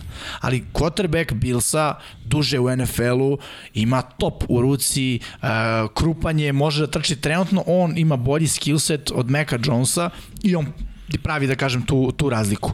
A, I nekako je bilo očiglednije da, da, da Billsi pobede. A, drugo, hvatači, Stefan Dix je mnogo veće ime od bilo kog hvatača New England Patriota. Pazi, McKenzie, ja moramo da izdvojimo McKenzie, odjednom se stvorio, Jest. čim je, mislim da e, nisu bili spremni bili. za takvu utakmicu McKenzie. Znaš šta se zapravo desilo Billsima, sad kad pogledamo, da kažem, ceo uzorak. A, ko je prošle godine bio McKenzie? Cole Beasley. Cole Tako Beasley, je. koji je nestao ove godine. Ali izgledao je isto kao on. Izgledao je kao vidi, nova verzija Cole Beasley. Ne McKenzie. McKenzie u ove nedelje, a prošle nedelje i prethodnih nedelja Gabriel Davis. Jeste. Oni su tražili Kola Beasley, odnosno tražili su slota koji će da radi ono što je Cole Beasley radio prošle godine. Cole Beasley zbog situacije sa Covidom i zbog cele neke, da kažem, stigme koja se stvorila oko njega, očigledno ove godine ne pruža ono što je pružao ranije i Billsi su bili onako zbunjeni. Šta sada? Iskočila su ova dva momka, mislim da Billsi sada su brutalna ekipa. Ne, znači, znaju da imaju slotove. Pogledamo statistiku ponovo, ja bih se samo kratko zadržao ovde. Allen je nosio 12 puta loptu, 64 jarde, prosek preko 5 jardi po nošenju. Često dizajnirana trčanja za Tako njega, je, to baš pričali. nije, nije, nije, se, nije izlačio živu glavu, mm -hmm. ne, ne, pravljene su akcije za njega. Singletary, pouzdan, 12 nošenja, preko 3 jarde, e, to ti ono što ti treba. Prvi pokušaj, drugi pokušaj, ti si već na trećem za 4. Vidi, njih dvojica 24 nošenja. Znači, da kažemo, 25 nošenja, to je odlično. A pogledaj koliko su loptu imali, 47 pokušaja imao i dalje Josh Allen, skoro 50 puta bacao. Nisu nijednom pantovali. To se nikad nije desilo u karijeri Bio Beličeka da protivnički tim nikad ne pantuje. Fascinantno je šta su da. uradili i na trećim pokušajima i na drugim. Generalno kako su igrali zaista sve pohli bez odradio dovoljno dobro, dovoljno dobro i to ti je bitno da ti ne promašuje za dodatne poene, te promašuje u situacijama kada mora da poentira. Pohvale za ceo tim, zaista su izgledali sjajno i odbranu. Odbrana koja je ono što se desilo Patriotama, to mislim da im je najveća opasnost i stalno se dešava. Kada protivnik povede, Mac Jones pada. To je svaki put kada juri rezultat pada. E sad, to je samo pričali, da. to je samo neiskustvo, je moje mišljenje. To je dečko koji dalje Novajlija. Ej. Vidi, oni pravi game plan takav da je utakmica uvek na dohvat ruke. Da. Kad ode van dohvata ruke, onda moraš da, da menjaš game plan, a imaš ruke ako tebe. Kogod je on, imaš ruke ako tebe. Nisam navikao McDonald, oni na Alabama nije juri rezultat. Vidi. Vidi, čak nije ni to, nego odjednom se od tebe traži, znaš, pre je bilo trčanje, trčanje, pas. Da, da. Trčanje, pas. Trčanje, trčanje, trčanje, pas. E sad ide pas, pas, trčanje, trčanje, pas, pas, pas. Da, da, to Jer su, to su bile akcije. I onda ti završavaš prvo poluvreme tako što počinješ da praviš greške. I samopouzdanje pada i Beličik polako menja, to je Josh McDaniels menja plan za drugo poluvreme i ti si već u dramatičnoj situaciji. I ne možeš da izvedeš sve što si želeo. Pri čemu, ako pogledaš i njihovi running backovi, Damien Harris, 103 yarde, ljudi, čovjek je odigrao sjajnu utakmicu, 18 Ali nošenja. je problem što je drugi Mac Jones. To, to samo znači problem. da i on, nema dizajnje trčanja za njega, ovo je bilo bežanje za, za, Za živu život. glavu, ba, I izbačio gde su drugi trkači? Uvijek pričamo o New Englandu koji, ono, running game će uvijek da bude dobar, ne jedan lik, nego više njih. Sada je samo Harris bio tu. Poraz prilično velik prvu poziciju u istu, na istoku je, pokup, je preuzela ekipa Bilsa i to dosta upečatljivo vidjet ćemo da li mogu da izdrže ove dve nedelje to što se sada od njih očekuje. Sada Tako se je. od njih očekuje da završe sezonu na prvoj poziciji. Idemo dalje, sledeća utakmica, pa koju bismo mogli utakmicu? Dom Pablo ćemo Baltimore Cincinnati, mislim da zaslužuje da se priča o ome. 21-41, da povređen Baltimore, opet neki novi quarterback je tu u celoj igri, ali ovo je uvek rivalstvo, uvek je divizija nekako, uvek mora da se spomene. Mislim da treba, pre, treba pričati o Joe Burrow i Bengalsima. 525 yardi, protiv koga god da igraš. Vidi, uh, treba pričati o T. Higgins, Jamar Chase. Ok, Što s druge strane nas, ako pogledamo gledalu, dovodi do toga, treba pričati o sekundari Baltimore. To je ono što smo pričali. ok.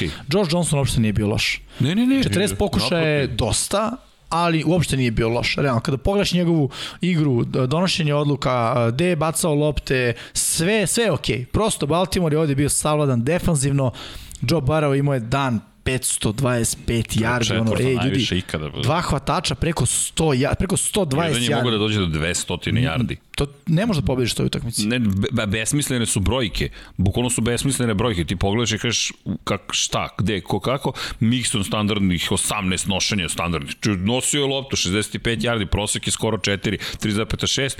Barrow, ok, dva puta nosio. Ima tu stvari koje treba da unaprede Bengalsi. Mislim da nisu tim koji je toliko sada opasan da je nezaustavljiv. Naprotiv, mislim da ima baš jednu poveću rupu, ali ovoga puta inspirisan i moćno su izgledali. Baro je na dve, dva meča protiv Ravensa bacio preko 900 yardi.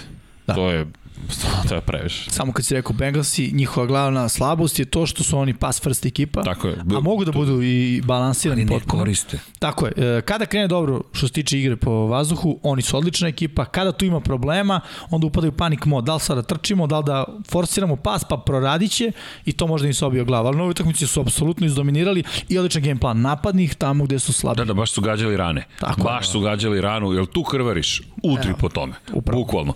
Idemo dalje. Cleveland Green Bay. Cleveland Green Bay. Da. 22-24. Uh, odrađen posao Green Bay. Rekao bih, zadržao bih se na ovog 24, onda bih rekao 4 interceptiona Baker Mayfield. Od tri presečenja Green Bay direktno iz tih presečenih lopti. Tri touchdowna. Tako je. Da? I to je to. Tu, tu si već izgubio, mislim. Ne može. Ne U tom trenutku je poluvreme 21-12, ti si primio 21 poen iz 3 interception, nakon 3 interception. Da. Jest. To je to, on, već si, već si, ve, već si u jako lošoj poziciji. I onda posle rutinsko drugo poluvreme Green Bay-a, što si ti rekao, e, jel vas tu boli? Tu ćemo da napadnemo. Ono, forsiraj, Očekivo je više srđan. Ne, ali vidi, Green Bay, ja mislim da je tim, znaš koja je najveća slabost po mom mišljenju Green Bay-a? To je tim koji će odigrati, to nije snaga, jer nije to planirano, ali koji će odigrati koliko baš mora da odigra, otprilike, ali to nije izgledalo pedantno, nije izgledalo disciplinovano, izgledalo mi više kao, jel moramo? izgledalo je dovoljno. Izgleda da. kao moramo, ali to, možete, to, to može protiv ozbiljnije ekipe da bude ozbiljan problem. Ali šta je ozbiljna ekipa u NFC? Oni imaju problem protiv Ne, trčanja. ne, d- I to je, ne, ali Bucks nemaju ovo trčanje. Oni nemaju ni, Raven, ni trčanje Ravensa, ni trčanje Balt, ovih uh, Clevelanda. To nemaš Jeste. u NFC-u. I te, ti imaš odličan secondary koji je stvarno brutalan, koji Darnell Savage kad je došao, čovjek se preporodio. A ti igra, igrom trčanje, ko će tebi da naškodi najviše? Možda Tampa ako se Fournette vrati, možda. Pa možda i ne, zato što su i što je do povređen. Fila može da ih pobedi. Sa, ja bih rekao San Francisco. Ako i slučajno San Francisco, leti. jeste. Pa Oni vidi. su najpribližniji ovome što radi Gli, Cleveland i Baltimore. A neko drugi ne. Z- vidi samo šta mislim da je njih, od čega moraju da se čuvaju upravo te, te situacije, jer deluju kao mega moćan tim i onda odjednom prave tako neke greške koje su, pazi, oni su mogli da izgube u utakmicu. Koliko god kao uradili smo dovoljno. Da, da. Na momentu su oni mogli da izgube utakmicu. Sudije su napravile grešku, ali kažem, ne bih sveo na sudije. Da je Baker bio, pre, pre čemu Baker, za mene najveći problem što se tiče Mayfielda bio moment kada ti vidiš kad, kad, pa, pra, ne, ne slobodan igrač, nema nikoga. Evo, ako pogledam statistiku, recimo pogledam na statistiku i pogledaj ovo, e, kada pogledaš e, ko je ko hvatače, Higgins, Chubb, znaš, to su mete koje ne očekuješ. Čekaj, ko je tebi hvatač broj 1? Maša Landry. Landry, tako lopte, je. Jarvis koji stoji sam, ljudi, ja ono ne pamtim da sam video da je onako loša bila odbrana, koliko god hvalili se, ljudi u jednom momentu oko, oko Landrya nema nikoga, livada, da. i on, ma, on stoji i gleda ka svom quarterbacku i Mayfield koji ga vidi, konstatuje da baci preko njega. Mislim da je to i do povrede, jer Baker delo mi da baca to možda ti bolje obiš, iz tela. On nema ruku da baci sad tog precizno, on se nije namestio uopšte i samo je bacio i prebacio ga je. Ali ceo karijer on tako baci, na koleđe tako baci. Slažeš se ima malo ne, ne, ne, ne specif, e, to jest e, ne svakidašnji izbačaj, ali to je njegov Ljudi, ali on stalno skakuće. Noge su stalno u vazduhu. To je ono što Mik se stalno ponavlja. Nikad se ne postavi kako treba. On stalno skakuće. On je stalno u skoku i ovako se priprema za bacanje. Nešto i dalje pa panika to je dalje panika, on nije više Novajlija. Odavno nije Novajlija, on treba da nosi franšizu, to je najveći Najviše problem. Najviše presečanih lopita kad je draftan ima Baker. Man, to sa Landrijem je, po mom mišljenju, najveći njegov kiks tokom cele utakmice. Ima ih i još, ali ok, idemo dalje. Green Bay, uh mhm. -huh. još jedna pobeda, međutim, mora da se čuva Green Bay. Ramsey i Vikinzi, 30-23. O, Stafford, još jedan ovakav meč. Ne, ne, ovo je poklon Minnesota. Ovo je poklon Minnesota. To je moje da, mišljenje. Da. Ne možeš da imaš tri presečena dodavanja i da ne zabeležiš pobedu. Stafford je poklanjao. Daj Dalvin Cook igrao. Mislim da bi stvari bile drugačije.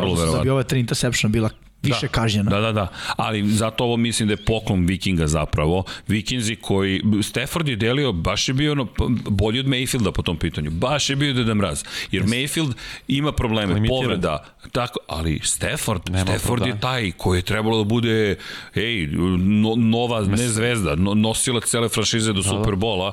To su bili pokloni, pokloni, pokloni. O, i, je, dva za redom. Tako nećeš ništa učiniti u play-offu.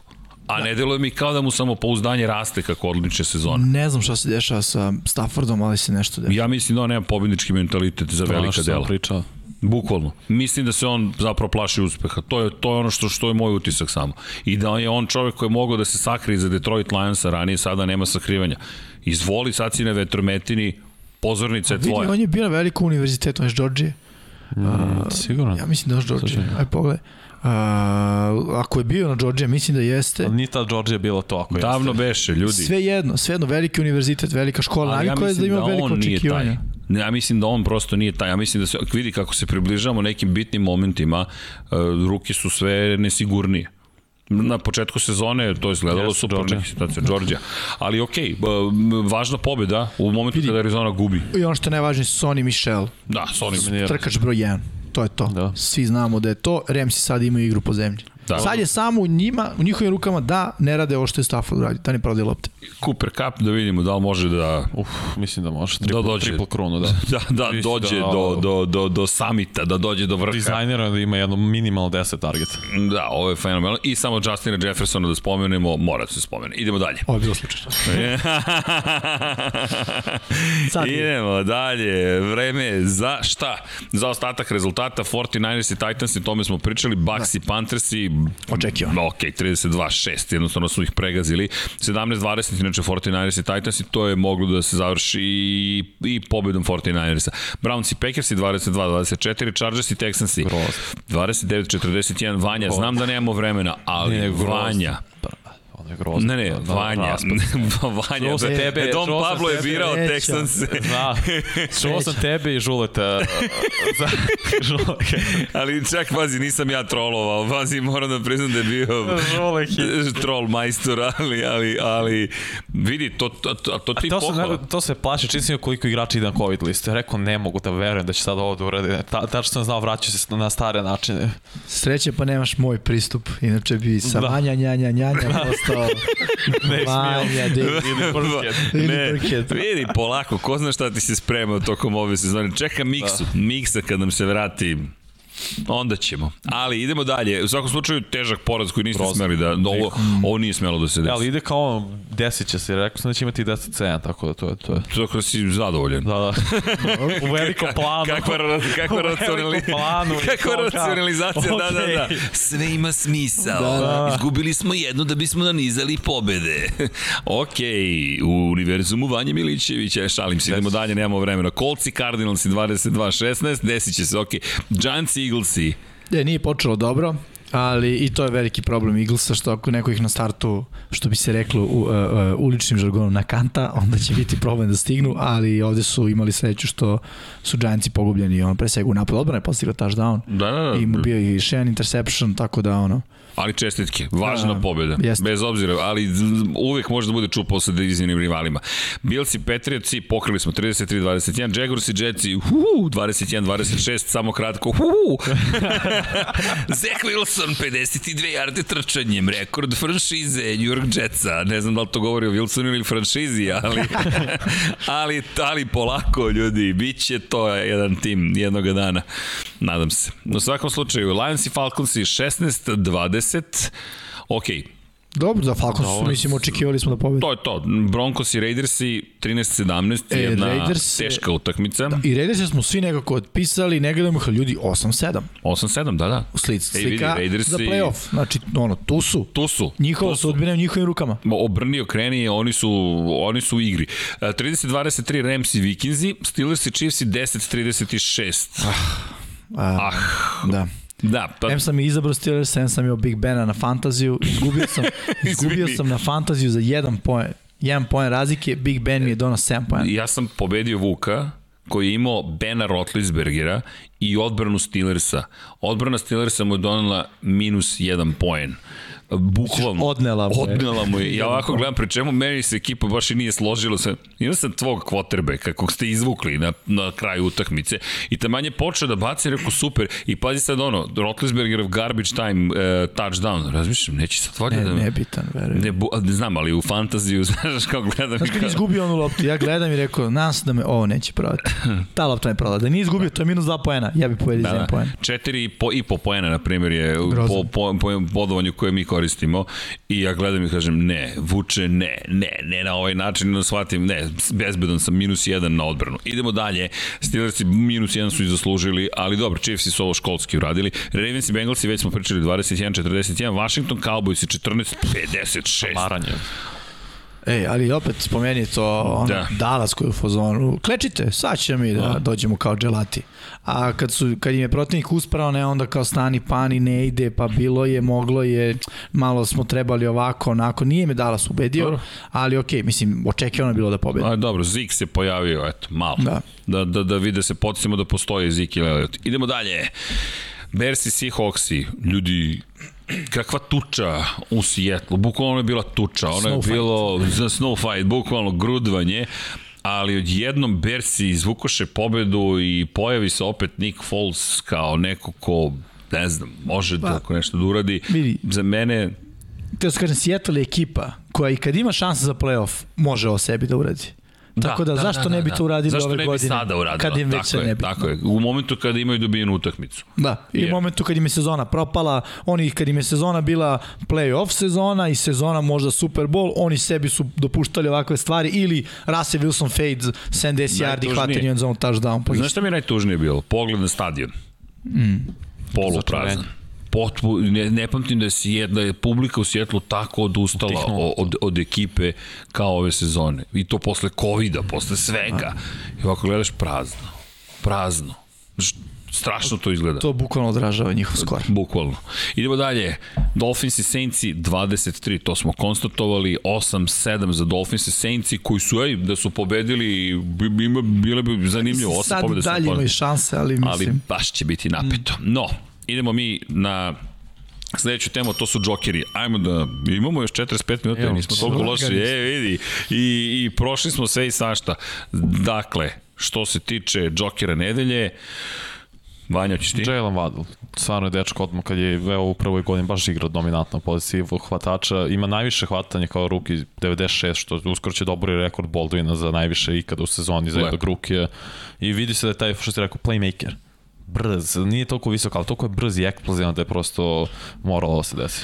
Ja sam izabrao Zeka Wilsona, mislim da je očigledno zašto. Zašto je Joker, nije heroj, da je quarterbackovski to postigao, nego ovo trčanje ipak za mene bio Joker. Moram sam da ga stavim bar jednom da se pojavi u nekoj pozitivnoj kolumni, negde da, da stoji da je nešto postigao dobro, tako da Bravo, Zek. Jimmy, vaš uh, Joker... Davis Mills. Da. Da, već smo pomenuli momak kome se ništa nije pričalo. Na draftu, pik treće runde, Texansi ga nisu draftovali s idejom da bude starter, to smo videli na početku, startovo je Tyro Taylor, ako bi se uh, Watson vratio, on bi bio broj 1. Tako da ono, uopšte nije bilo nikakve očekivanja. Ja bih rekao priča dobra sezona za njega. Nije lako da se u sred sezone uključiš kada deluje da sve ide nizbrdo i da probaš da budeš, da probaš da pobediš, da se boriš za mesto. Ovaj momak je to uradio, pobedio se, što uopšte nije lako. Nije bacio interception, bacio je dva touchdowna, 27, uh, to je 21 od 27 kada govorimo o kompletiranim dodavanjima i pokušajima i za mene on Joker, stvarno. I možda onako naznaka svetle budućnosti Texans. Rex Burkhead je bio za mhm. miksu, ko će da... Da, pa mislim Burkhead je isto razvalio kako je statistički imao. 149. Točno. Iz 22 nošenja, dva touchdowna. E, moj čar. Uh, baš je razvalio. Kombinacija je bila one-two punch. Davis Mills, Rex Burkhead. Hoćete pas, hoćete trčanje, sve ćemo da radimo. Tako Lepo. da razvalio je kako odigra Burkhead.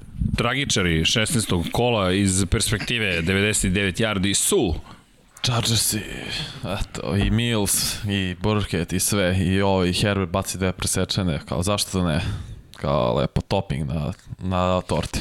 Idealno. Da. Meni su Seattle Seahawks i mislim da sam već dovoljno rekao. Jednostavno, razočaranje mi nije toliko što su pretrpeli poraz, nego taj, to odsustvo bilo kakvog duha. Jednostavno vidiš tim koji se ugasio. I da, želim da uspe ta franšiza, ali sada je sigurno da mora sve da se menja. A šta da kažemo za tim koji se nije ugasio, ali ima potencijal da se ugasi, da se da, ne pojavi. Da, da. 49ers. 10-0 da. prvo polovreme da. i onda potpuni raspad u drugom. Verovao sam da će pobediti. Da, malo Jimmy G, malo Kyle Shanahan. Nije sve Jimmy Garoppolo. Znaš, igraš uh, takav futbol kakav igraš i onda izađeš u spread formaciji sa jednim running backom u backfieldu, Jimmy Garoppolo u shotgunu, ono, oni ne trči shotguna. Bukvalno ne trči shotguna. I to si uradio sebi unutar 5 jari. Svi znaju da ćeš baciš pas i baciš interception. Tako je, to se završilo prvo po vreme na taj način. Uh mhm. Drugo polovreme počneš katastrofa i sam sebi pucaš ne u nogu, nego Ma ne, samo uništenje potpuno. Yes. Baš je bilo samo uništenje. Yes. I stalna ta greška, ta potreba, idemo, idemo da bacimo, idemo da bacimo. Yes. A zašto? Zato što nam trčanje dobro funkcioniš. Tako je. Ok, logike nula. Da, i ja sam izdvojio Ben Roethlisbergera ovo je lično, zbog tog poraza u fantaziju. Znači, i svako je odigrao katastrofa, ali eto, zbog njega sam izgubio, tako da Ne bi dalje. Rana je i dalje otvorena. Ovo je lično bilo. Jedan da poen, da baš ljudi, loše odigrao. Razlike sam izgubio. Bilo uzbudljivo. On je dono 6 ili 7 poena. Katastrofa. Projected mu bio 18. Otvori Fioku. Otvori Fioku kod tebe. Projected. Kod tebe. Idemo na heroje 16. kola. Heroji su nam bili Pa, interesantnija bih rekao. Da. Vanja izabro napad Buffalo Billsa. Da imaš preko 400 yardi protiv Beličika, Nika ne pantuješ 28 prvih dana, postigneš 33 pojeda, može. Dobi jednog od sina, zapravo što sam gledao baš kole, Jackson, Smith, Najigba. Imao je čovjek 300, preko 300 yardi, 347 yardi hvatanja. Iz 15 hvatanja i 3 touchdowna. To je absurdno bilo što je radio Ohio State je stvarno fabrika za wide receiver. Znači, opet za godinu dana tek izlazi, ono je bolesno. izlazi kao da je proizvod sa da, pokretne da, trage. Da. Toing, imamo jednog wide receivera za vas. Koji kalup, pa koji vam treba? Visok, nizak, brz, Ovo je eksplozivan. 6-0, brz, baš je bro, mnogo dobro. Da, ima šorti. da. da. ok, Jimmy, ti si birao ja Indianapolis Colts. Da, uh, pričamo o tome da Arizona jeste malo poklekla, ali opet nešto znači kad ih pobediš. I dalje, Kako to hoću da znači, da kažem. To je dalje dobar tim. Tako je. Drugo, kolci koji igraju sada oprezniji futbal, pametniji futbal u smislu... Jesi primetio? Da, da. Igraju na pobedu. Tako je. Ne igraju, ej, mi smo ovde da vam pokažemo koji igrači imamo. Ne, ne, ne, idemo, da da pobedimo. da pobedimo. Tako Baš. I odbrana koja igra fantastično, playmakeri, najviše imaju oduzetih lopti. Uh -huh. Uh, u, u celom NFL-u, što je big deal i samo je bitno da ono ne stavljaš preveliki pritisak na Venca, to nisu radili sada, bilo je balans i za mene su oni stvarno herojski odradili posao. Ja sam izabrao Josh Allena, sam, već smo objasnili, prosto odigrao jednu fantastičnu, ono što je mene oduševilo u ovoj utakmici jeste što nije popustio u ključnim momentima i nije krenuo da divlja u kontekstu toga, ja ću sad ovo sve da sad vam rešim, ništa ne brinite, samo mene pustite i izmislit ću neku akciju. Ne, ovo je plan, idemo po planu. I to je bilo fascinantno, da sebe dovoljno obuzdaš, a imaš te superherojske moći da kažeš ne, tim bi morao da pobedi, a ne ja da sad ću da vam pokažem šta mogu. Da, to je bio moj utisak. Zato mi je on heroj. Što je sebe dovoljno obuzdao. Miksa je izabrao... E, ali moramo da. budemo iskreni. Da, ajmo da.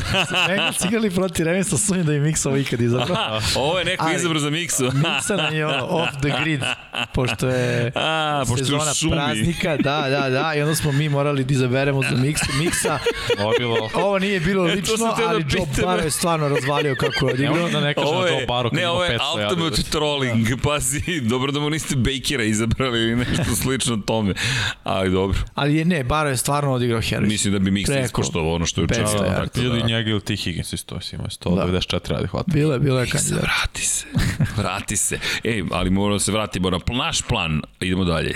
Heroje smo videli i krećemo, pa gde ćemo? Sledeća nedelja. Vreme je. Tako Vreme je za 17. kolo, ljudi, idemo u najavu 17. kola.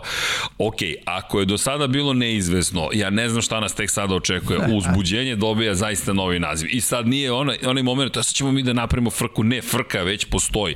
Ljudi, kada pogledate bilo gde u NFL-u, frka je. I sad mi ide onaj lepši deo, moram da priznam, 40 minuta imamo za pripremu za ovo kolo. Dakle, i naši rezultati, sve to po strani. Ovo kolo ljudi je ulazak u veliku završnicu. 17. kolo obično bilo poslednje kolo. Ove godine imamo 18 kola.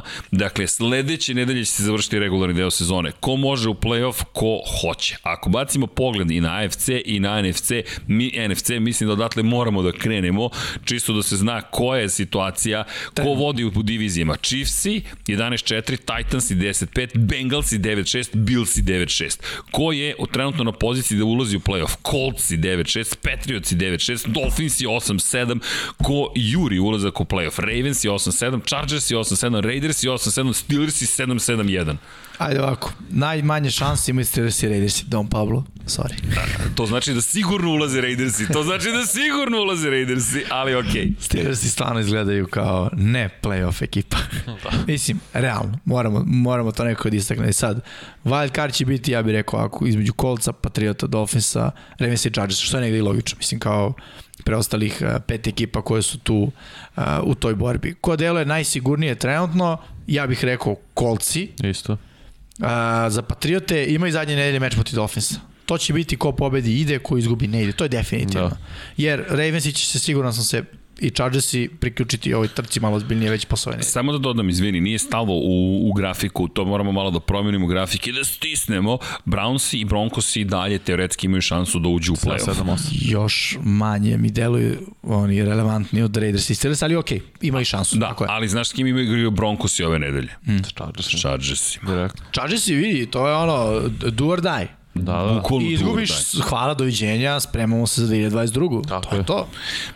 Mislim da ćemo i pričati o, o, o najavama, ali idemo korak po korak. Ajmo da pogledamo NFC, kako, izgleda sta, kako je stanje u NFC-u. Packersi 12-3, vodeći tim NFC-a, vode u svojoj diviziji, Cowboys vode u svojoj diviziji 11-4, Rams 11-4, Buccaneers 11-4, svi su vodeći po divizijama. U wild cardu, to jest oni koji dolaze, još pride, Cardinalsi, pazi, Cardinalsi koji su pali na petu poziciju 10-5, 49ersi su tu 8-7, Eaglesi 8-7, bravo Jimmy. Znamo da si ti znao, ali dalje bravo Jimmy. Neko je pre 4-5 nedelja rekao Eagles i playoff i onda je bilo ha, ha, ha, ha. okay. Ovo ide u moju fioku, desilo se. Dobro, nije još, ima još dve nedelje. Ne, ne, dobro, Mogu da desilo se da si to rekao, ali da, da, da, mogu. Zatim, ko je u Potteri? Vikingsi 7-8, Falconsi 7-8, Saintsi 7-8, Washington 6-9 i to je to. Ovde nam ne, ne, nije potrebna dodatna da. grafika, 11 timova. Sa Washingtonom se završava, da. a igrate, ovo, ovo kolo je vaše. Pa, mislim da se Minnesota izbacila šakanci na COVID listi protiv Packersa i stvarno nema teorija da će pobediti. Tako, bez njega, iskreno, i sa njim je bilo isto jedva. 49ersi mi deluju i Cardinalsi sigurni, Slažem se. a de, mislim da će biti između Saintsa i Eaglesa Vidi, za sedam. ako Eaglesi pobede Washington, Washington je definitivno ispoj slike. Uh, ako bude bilo između Eaglesa i Saintsa, mislim da smo igrali ove godine da su Eaglesi pobedili. Tako da bi u tom, Jel taj, da? tom tiebreakeru Ok. Eaglesi imali... Mislim da su imali mislim da su Eaglesi sigurno. igrali smo, ja mislim, sigurno su Eaglesi pobedili, Kamera nije igrao. Da, da, da. Onda su Eaglesi manje više sigurni, jer mislim treba da izgube obe, Saints je dobio obe u tom slučaju. Da, pazi, i Ali- Falconsi da. da. mogu da iznenade. Mislim, pazi, Eaglesi ako izgube od Washingtona, stvari postaju urnebesno Da, da, da. da. komplikovane za Filu, jer poslednje igra protiv Dallasa. E sad je pitanje šta će Dallas tu Pa da radi. Cowboys imaju i dalje put ka prvom mestu, jer ako pravo, Green da. Bay izgubi jednom i sad to delo je manje, verovatno imaju Detroit sad Minnesota bez kazinca, a, a Dallas dobije obe, Dallas je prvi. Tako je, Dallas juri prvo mesto, tako da Dallas igra u full sastavu Da, da, da. obe, obe utakmice. Deluje mi kao da Detroit može da bude zaista na kraju sezone nema teorije. on nepretni. Ok, Vanja? Ok, upisujemo, ali Zvonce se oglasilo. Idemo na prvu utakmicu. Chiefs i Bengalsi. Vanja, znam da si rekao Las Vegas Raidersi, Las Vegas Ramsi, ali uh, ne, Las Vegas Raidersi protiv Kolca. Je li tako? Raiders, da, Colts, Raidersi protiv Kolca, ali ljudi, mislim da ovo mora bude prvo. Pucačka utakmica, Kansas City protiv Bengalsa, ljudi 11-4 protiv 9-6 i to se igra u Cincinnatiju. Pazi, dva takva kvotrbeka i dve ekipe koje su vrlo raspoložene. Ajde analiziramo ovako, napad Chiefs ili Bengals ko ima prednost po vama? U Bengalsi Chiefs. imaju prednost uh, kao napad, ali Chiefs. odbrana mi je Chiefs. bolja Chiefsa. Zato Ja sam Chiefs. više od Chiefs i znam šta mogu. Ovo je, vidio sam i napad Kompletnije Cincija misliš? da ume tako da potone u jednom momentu, da igra toliko loše da je to ono... O, jedva čekam ovu Ne, utakmicu. biće super. Mm, Chiefs Ja ako jedva- pobede, oni su prvi u, u AFC-u. Ako. Bengalsi pobede? Ako Bengalsi pobede, oni su nam rekli, on, ove godine smo ozbiljni ljudi, nema Bukvalno. zezanja. Da, da. Jer pazi, ja mislim da ovo test. Ovo je test. Pazi, Barovu je ovo suštinski prva i po godina. Ovo je kao Novajlija i dalje. Prošla godina propuštena, ali tebi sada dolazi veliki Patrick Mahomes. To je čovek o kome svi pričaju iz tvoje generacije. Realno oni su generacija. Da. I dolazi neko koga ti treba u AFC-u da pobediš. Brady više nije u AFC-u, kralj je otišao, imaš novog kralja, čovjek koji je osvojio već jedan Super Bowl, bio u drugom Super Bowlu, bio još jednom finalu konferencije. Ti si Joe Barrow, ti si taj koji odjednom Bengals se pretvorio u tim koji vodi diviziji. I te, neko ti dolazi, na ku, u kuću ti dolazi. I očekivanja publike, i očekivanja ekipe, e sad ovo je test, jel ti možeš stvarno da pobediš Patrika Mahomesa, možeš da pobediš te Chiefs. Ja bih rekao da je ovdje ključ za Bengalsa da pobede balansiran uh, playbook u napadu, znači mora se i trči, igra pas i ne uparati u panik mod ako pas ne bude odmah funkcionisu. Nego ono, strpljivo, uh, kraće kombinacije. Rovari, i, Tako je, bravo, rovari, Rovari, i uništavaj Chiefse polako.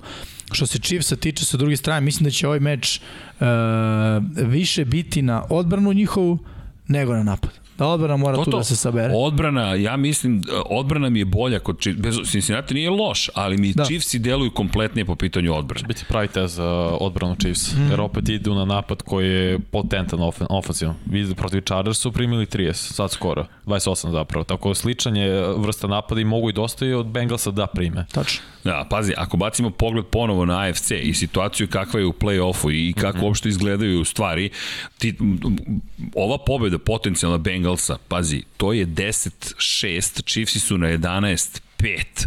Znaš, stvari su tu baš onako komplikuju. Ne znam ko će biti prvi, to definitivno. Znaš, Ono, ako bi se desilo to Može. Tennessee da profitira isto. Zato ti, Da, to, da, to da. je to, te Titansi koji imaju svoju šansu, Titansi koji igraju s Dolphinsima, pazi, sad to doći ćemo do toga, ali za sada prvo ova utakmica, jedva čekam, jedva čekam da vidim večeras šta će tu da se dešava, jer m, za mene je jedan od, on- od onih, znaš kao kad ti najbolji blockbuster film, Da, da. E, to je to, to je najva. Die Hard 3.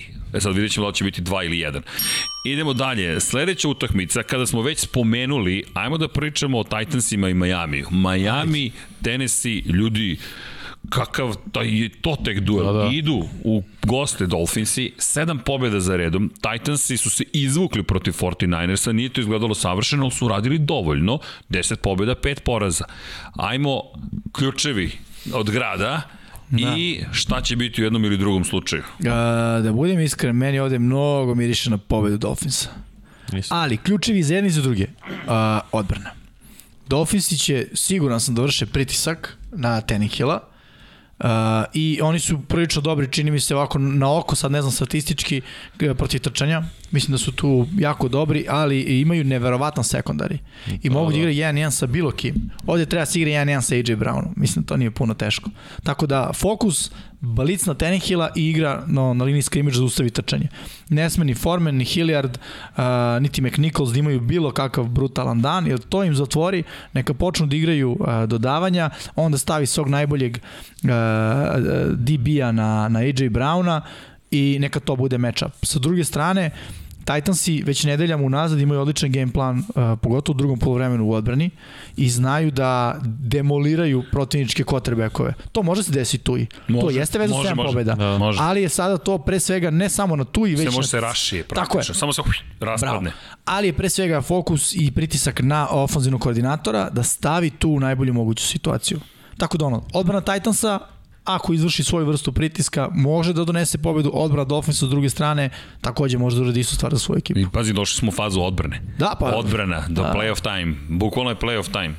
Vanja, ti? Jeste. Pa gledaj, sad razmišljam, ok, Tenehill, imaš veliki ugovor, mislim da ti je ovo prilika da pokažeš da si quarterback koji je sposoban da odvede tim sam u playoff. Ovo je tvoj meč. Nemaš se, ima, ok, odbrana Miami jeste na vrlo dobrom nivou, neću kažem još elitnom, ali ako si ti taj, ti moraš više od 20 pojena da napraviš. Kako ne znam. Tu ti je Brown, ofenzivna linija igra ok, igra trčanje, rotiraju se igrači, sad pokaži zašto si zapravo i doveden baš iz Majamija. Ti si igrao u Miami sve vreme u, na početku karijere. Tako je. Pokaži se da si ti taj quarterback koji može da pobedi i uprkos nedostatku Henrya i sad i Julio Jonesa. Da, to je zanimljivo, on poznaje tim Miami na jedan drugi način, iako se dosta promenio među vremenu, ali okej, to će biti zanimljivo, to mi nije palo na pamet, moram ti priznati. Idemo dalje. Sledeća utakmica, šta mislim da bi vredalo u celoj ovoj priči izdvojiti Raiders i kolci. Čita mi misli Dom Pablo. Hvala. Las Vegas Raiders i Indianapolis Colts zašto ljudi 8 7 9 6 iako svi kao što si rekao pričamo Coltsi pričamo Raidersi zaboravite Raidersi Raidersi neće da se zaborave Neće. Ne daju se Raidersi. Uh, ako pobede, to je velika poruka u, u, u svakom smislu. Prvo, 9-7. Da. Drugo, dobio si kolce. U Koji su, da, koji su uh, ono, dobra ekipa sada. Legit ekipa. Da, potpunosti. Deluje kao da ne bi trebalo Raidersi da pobede. ja ne znam kako mogu pobediti kad Ej, igra ovako odbrana vidi, kolca. tako je. Deluje da, ja, ja samo kao hoću da kažem, iako deluje nekako ovi Raidersi stalno nešto, oni gube utakmice koje ne bi trebalo, a dobijaju utakmice koje ne bi koliko su trebalo. pojena postizali poslednjih tri meča. Poslednja tri meča. 17 Ajde je da bilo, Pokušamo da vidimo. ne mogu da se sad ostalo na pamet. Daj mi sekund, Mislim da napad nije ćemo dovoljno- Da. Ajde, dokle čekamo mm -hmm. za srđana, ja bih samo rekao da je ovde je ključni matchup napad Raidersa protiv odbrane kolca. Da, to je to. Ako Raidersi ne budu imali ni jednu izgubljenu loptu, imaju šansu. Da, To je mislim njihova jedina šansa. da Jacobs ne može da ima veliki meč protiv ovakve odbrane. Protiv ovakve defensivne linije kolca koja je odlična, koji da imaš Leonarda koji sve obara. Vol, voler, šta je sa Volerom? Ne igri dalje. Da, to je to je problem. Ok, da, to je veliki problem za Da, da. Jer to je bilo jedno od oružja na koje ono, bi morali da igraju. Da, da. Cenu double coverage-a igraš na Volera. Šta god da je. Jeste. Čekaj samo da ti kažem, za poslednje tri nedelje si rekao, Vanja. Da. Dakle, protiv Broncosa 17-13 pobjeda, protiv Clevelanda 16-14 pobjeda, protiv Kansas City Chiefsa 9-48 poraz To ti pričam, očigledno. napad nije dovoljno... 17 Da, Washington, ajmo četvrte utakmica, 15-17, tu su izgubili 15 poena, su imali poslednji put kada su imali veliki broj poena, pazi sad ovo, Dallas Cowboysi, 36-33. da, to je bilo na Thanksgiving. Ali vidi, ono, realno, ja ne vidim kako će odbrana Raidersa zaustaviti Jonathan Taylor, to je nemoguće. Znači, Taylor će ovdje da ima utakmicu sa ono, 150 Da. yardi. Mislim, Pa, tako, tako deluje. deluje. Bukvalno tako, Tako deluje. deluje. Ali opet ne bih, samo ne bih da... Ne, ne, mislim da oni sad ovde moraju da igraju na veći... Kolci nisu ekipa koja postiže 35 plus pojena. Mislim, realno. Oni su i ove nedelje pobedili Arizonu sa 22 postignuta pojena. Kolci su ekipa koja ono, imaju svoje limite u napadu, to smo rekli, ali ukoliko uh, protivnička odbrana ne može zaustaviti Taylora, on će da gazi i on će da ima ono, ko što rekao, 150 plus yardi i samo će da niže touchdowne, tako da Uh, ono, Raidersi jedina šansa je da igraju na veliki broj poena, što videli smo po rezultatima dugo nisu uradili. I ne znam koliko im je pobeda ovde uh, izvodljiva. teško, ali da ponovim, da. kada god smo otpisali Raiderse, nešto se desilo da oni dalje ostanu u celoj priči. No, imamo još zanimljivih utakmica. Ovo je teška utakmica, ali Cleveland, Cleveland, protiv koga? protiv Steelersa. Znam da je to iz perspektive pobjede i poraza jedna od onih stvari gde kažeš, uf, ali ako pogledamo sliku u play-off, ljudi, to je to. 7-8, 7-7-1. Ko pobedi u ovoj utakmici, Živi još jedno. živi. A to je duel divizionih rivala. Steelersi gore dole, ne znam ko, koji Steelersi će da se pojave. Steelers su Cleveland bili tri od Cleveland. Računajući playoff. Izgubili su prošle godine. Da, No, poslednji, u- mislim da su ove sezone isto izgubili. U Pittsburghu ove godine nisam siguran da li se. su izgubili. Da, to jest mislim da Da, jesu. Pomenem da je ovo Big Ben, ovo vrlo verovatno sam je rekao poslednji meč na Heinz Fieldu. Da, da. Monday night će biti, tako da mislim, naravno, da li postoji šansa playoff postoje, ali stvarno sumnjam. Mislim da je Ben, evo sad vidimo, 7-7-1, Da, Brownsi nisu Brownsi na ovoj su- slici. da, Oni ali su, su- 12, ali su tu. 13, 13. ali imaju šansu. Inače, Pittsburgh je dobio Cleveland ove Dobio. godine 15-10. Da, i to je bilo. Uh, 15-10. Ja mislim da nas čeka još jedna ružna utakmica. Da, da, bude. ali koliko važna utakmica. I važni za jedno i za druge, ali Jer- s, aspekta NFL-a mislim da je nevažno. Kogod od njih uđe u play-off, stvarno mi dele, ako uđe u play-off, ali, da će to biti one and ali pogledaj ovo, uh, iz perspektive play-offa, prosto za te gradove je to važno, Raidersi ako izgube, ako je 8-8, ako dobiju Steelersi, Steelersi su 8-7-1. I imaju prednost. imaju prednost. S druge strane, Brownsi su 8-8. Ti sad dobiješ krećeš u taj breakere polako. Chargersi s druge strane koji ne smiju da se ne smiju da se okliznu, bukvalno moraju da Kaže, budu idealna 9 scena za Chargers. Dobiju, Miami izgubi, Coltsi pobede, Ravens izgubi. Da. Što je zapravo vrlo izvodljivo. Manje više sve. Da. Da, ali Cleveland Steelers, znači, mislim da ono, i ako neko od te dve ekipe uđe playoff, da će to biti to. Mislim, stvarno tako deluje. Ono, nisu ubedljivi ni jedan ni drugi. E, Ne znam šta su im jake strane. Steelers smo mislili da je odbrana, pa dođe meč da ih pregazi protivnički napad, pa onda dođe meč da je njihov napad, mi kao napad im je impotenta, onda bam, Rotosberger odjednom se poveže, Najee Harris uradi svoju magiju, tako da jedni i drugi, ono, ne znam, ništa, mlako. Mlako opet važno, ali ja i dalje mislim da ako uđu u play-off, ne, neko tu može da se oklizne. Znam da, da iz perspektive svega što smo videli deluje nemoguće, ali delovali je nemoguće kad su Steelersi otišli na početku sezonu u Buffalo pa su ih dobili. Znaš, mislim da su Steelersi mnogo opasniji iskreno nego Brownsi i ako Steelersi uđu u play-off, pogotovo to oproštaj, Ben itd., na trenutak neke stvari mogu da se desi. Jer neverovatno je kako igraju to drugo polovreme. Sad se nisu pojavili uopšte u Kansas City, ali ako uđu u play-off, mislim da to može da bude jedna od onih ekipa koje ne želiš da sretneš prosto, da kažeš sebi zašto sad sa njima moram da igram. Ali to je samo moje mišljenje, još, još imamo dve nedelje do play-offa. No, idemo mi dalje, spojio bih sada malo divizije i bacio pogled na LA Ramse protiv Baltimore Ravensa. Ljudi, meč. kakav meč. Rams, kako je mogao meč. Kakav je mogao meč da bude, tako je. Jer Ramsi, Ravensi. Da, Lamar je povređen, da li će igrati, mislim da bi trebalo Pa. već, i, i da igra, video sam na treningu da je, ta, da je taj zglob nije 100% da kažem, spreman. A pazi, Baltimore i dalje ima šansu da uđe u play-off. Ima, ali mislim da je ovo sad idealna prilika baš za Stafford da, da iskoristi to što je uradio i Barrow prošle nelje i prosto napadne taj secondary. Kad ćeš, protiv koga ćeš ako nećeš, objektivno gledam protiv trenutno najgoreg secondary. Mislim, mo, imaš Cooper Cup, stvarno ako ne bude imao 150 yardi sada, Kada će? ali bukvalno kada će, jer imaš ti dizajner na akcije barem 10 targeta po meču za kapa. Odell isto igra vrlo dobro, ima touchdown hvatanje ovo. skoro svaki meč. Videli smo da Ravensi su spremni da igraju double team protiv najboljih hvatača, Da. da. protiv Green Bay su to radili i bio dobar game plan. Ko sad igra u double team? Cooper Cup. Ok. A, ima smisla, hoću kažem, Mora. ima smisla. Mislim da će ovo biti meč od Dela Beckhama. Mm. -hmm. Će ovde Beckham najviše da profitira, će imati touchdown uh, hvatanjem. Uh, sa druge strane, Ravensi, koliko god ovo zvučalo nerezonski, su bolja ofanzivna ekipa kad Lamar ne igra. U kom smislu bolja? Jasniji game plan.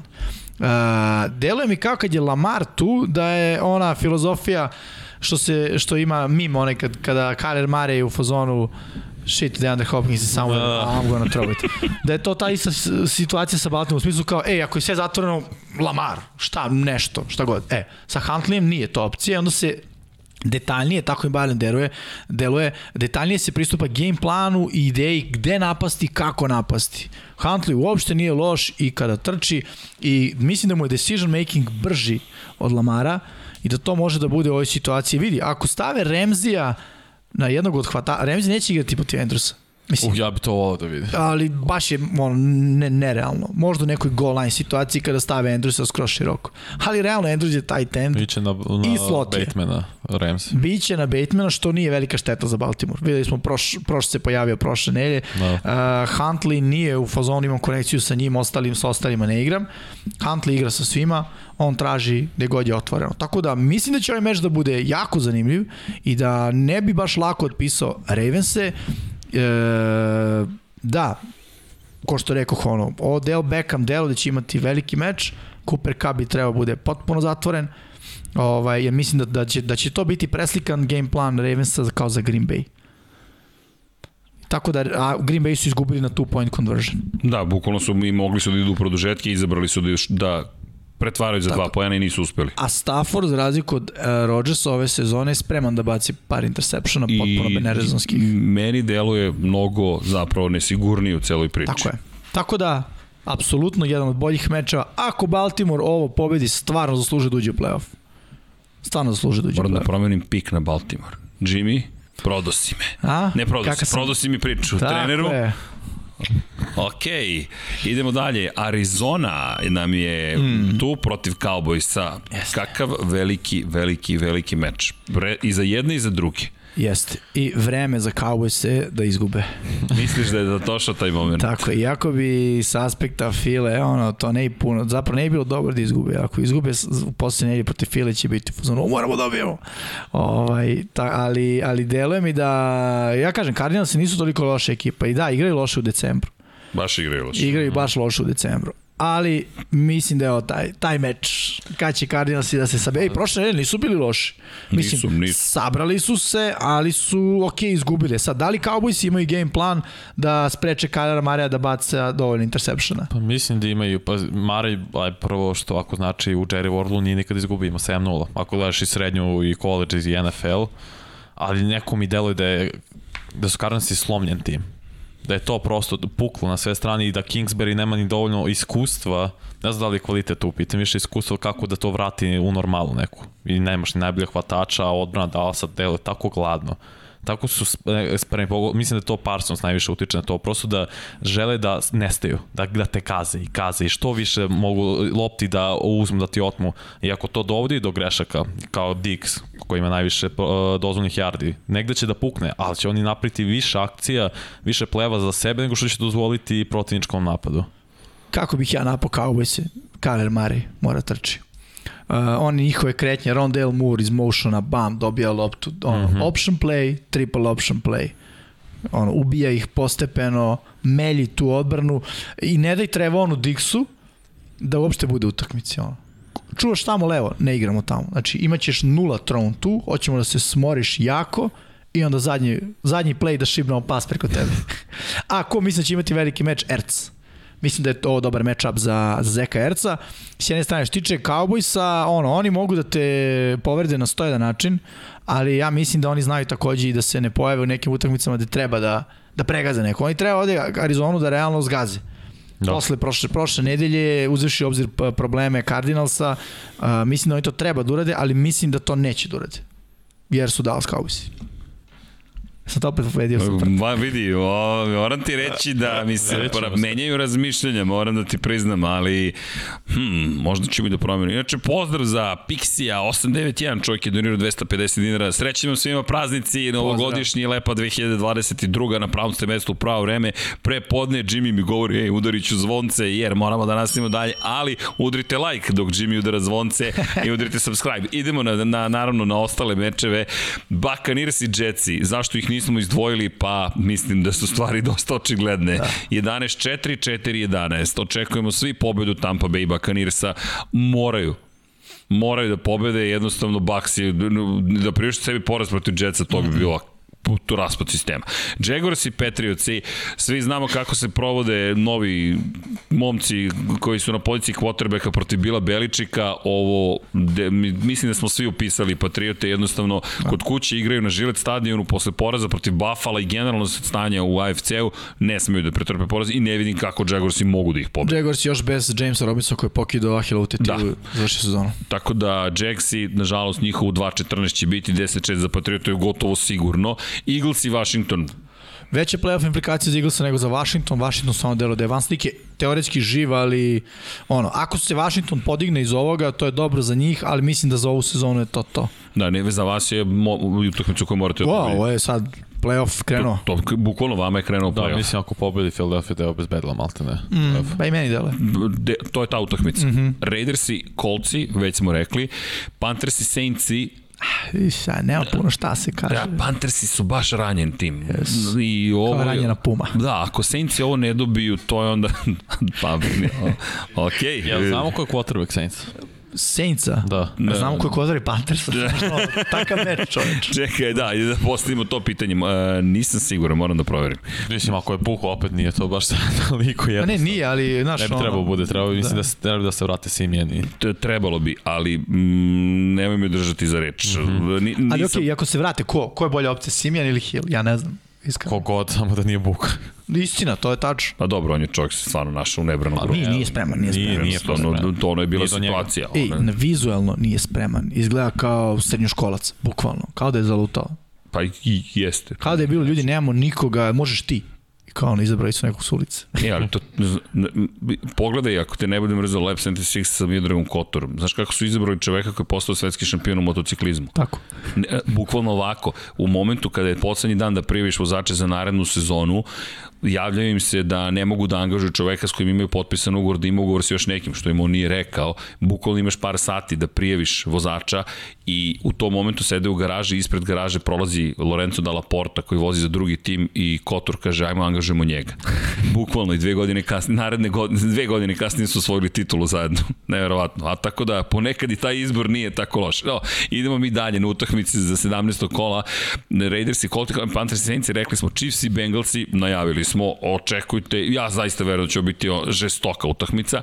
Dolphins, Titans takođe, Giants, Bears, ko voli Giantse, ko voli Berse, mislim da su to jedini ljudi koji će gledati ovu utakmicu. Odlično si, odlično si to rekao. ali bukvalno, porodica, prijatelji i navijači i to je to, ali pozdrav, da, ima ima navijača, Giantsa, ima. pozdrav, pa čekaj. S New Yorku je uvek, ve, uvek su velike franšize New Yorku. Gordon Kičić bio u studiju sa, yes. sa, sa adresom, Kičić, Kičić. piše na adresu Pazi, broj 10. možda bi on uradio bolji posao kao Kube. ja mislim da bi, pozdrav za Gordona. John se i Michael Glennon. Falcons i Billsi, e, ovo, to bi moglo biti... Može, okay, može. Da, da, ovo Ali, može biti. bojim se samo na početku utakmice. Da, da, Prema mislim da će Bilsi to lagano da... Nek samo, da nek samo pređe pit hiljadu na ovom meču sve ove. Hiljadu? Koliko mu treba? Pa mislim 50 yardi. Ma, prelazi vanja lagano. I šta, se, šta se onda deša? klopica, klopica. Re, Remsi, Ravensi, Mm, Šta rekli smo već? Može biti. Huntley startuje, sad gledam da, da, Lamar da, da. questionable. Tako da, Lamar je pod znakom pitanja. Vest na NFL on sajtu je da je Huntley likely to start. Da, ali vidi, bez obzira na sve to, mišljenja sam da, da to uopšte nije loše. Ljudi, Huntley. Huntley izgleda baš dobro. Sad možda je to bila samo jedna utakmica, ali verujem da nije. Prosto mislim da je Harbao pripremio zamenu, mm -hmm. da je znao da u jednom trenutku će imati taj problem i to je to. Inače, gledam Saints-e, deluje da... Ništa da, ne piše, mislim da će biti... Da, da će biti standardno 1%, da. ali ajde da sačekamo.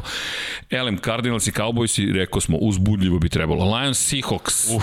Seahawks i nastavljaju e, niz e. nebitnih utakmica za sport, za čovečanstvo. A pri čemu Goff ne igra za Detroit? Wow. Ja. Da. Povredio je koleno, znaš, ti sad imaš, i da, neko je rekao birajte Amon Ra u fantaziju. Nisam siguran da bi da, trebalo da, da, ovoj utakmici, ne danas, ne danas, nema ko da baci. Mada protiv odbrane Seattle sekundar sekundari on, što A ko će da, da mu baci tu loptu? Pa, možda ni, da. možda niko. da, da, vidi Detroit, o, da, ovo je, ovo čak... Da igra ni... golf, biro bi Detroit, zaista. Da, da igra Istina, golf, da, da, ali bez golfa... E, ja ne mu sjeti koga si izabrao, možda sam izabrao Ne, biro, mislim svi, bi, svi birali Seattle. Dobro.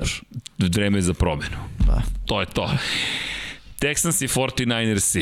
Uh, ja bih rekao, jako zvuči smešno da je od Tesla Mina. 49ers. Mina. Jest, bravo. Baš je nagazna mina, vidi, ovi Texansi su... Jest. I nezgodno za 49ers. Mislim Jest. da ok, bolje nego da su im sad došli, ne znam, Ramsey ili neko uh, koji je favorit i, i učesnik play-offa gotovo siguran.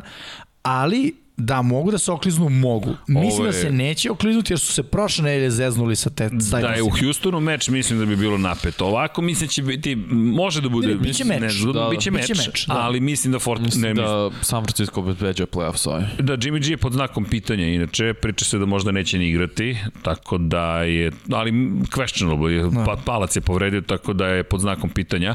No, ovaj meč moraju da dobiju. Vikings i Packersi, ovo nije rematch, ovo mislim da će biti derbi miša kola. Green Bay. Pa Da bilo bi. A ko je drugi? Ne znam. Sad napamet. Ko je da ne znam. Vikingsa sada kada da Cousins ne igra? Ma, to, da to, je- to je odlično pitanje. Muk, da. Kao nikom nije palo na pamet da pogleda. Da, ko, je, ko, znaš, ko će trkač Cousins biti? ne igra i kao je okej. Okay. kao, koga menja? Da, Ne, ne znam ko je. Da li je bitno? Pa, e, mož, možda i bude. Mislim, zavisi ko. Ja mislim da ima nekog veterana.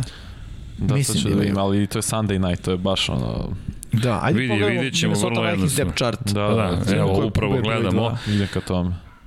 depth chart za Minnesota Vikings, vjerojatno nekog koga bismo morali da znamo, ali da vidimo. Sean Mannion.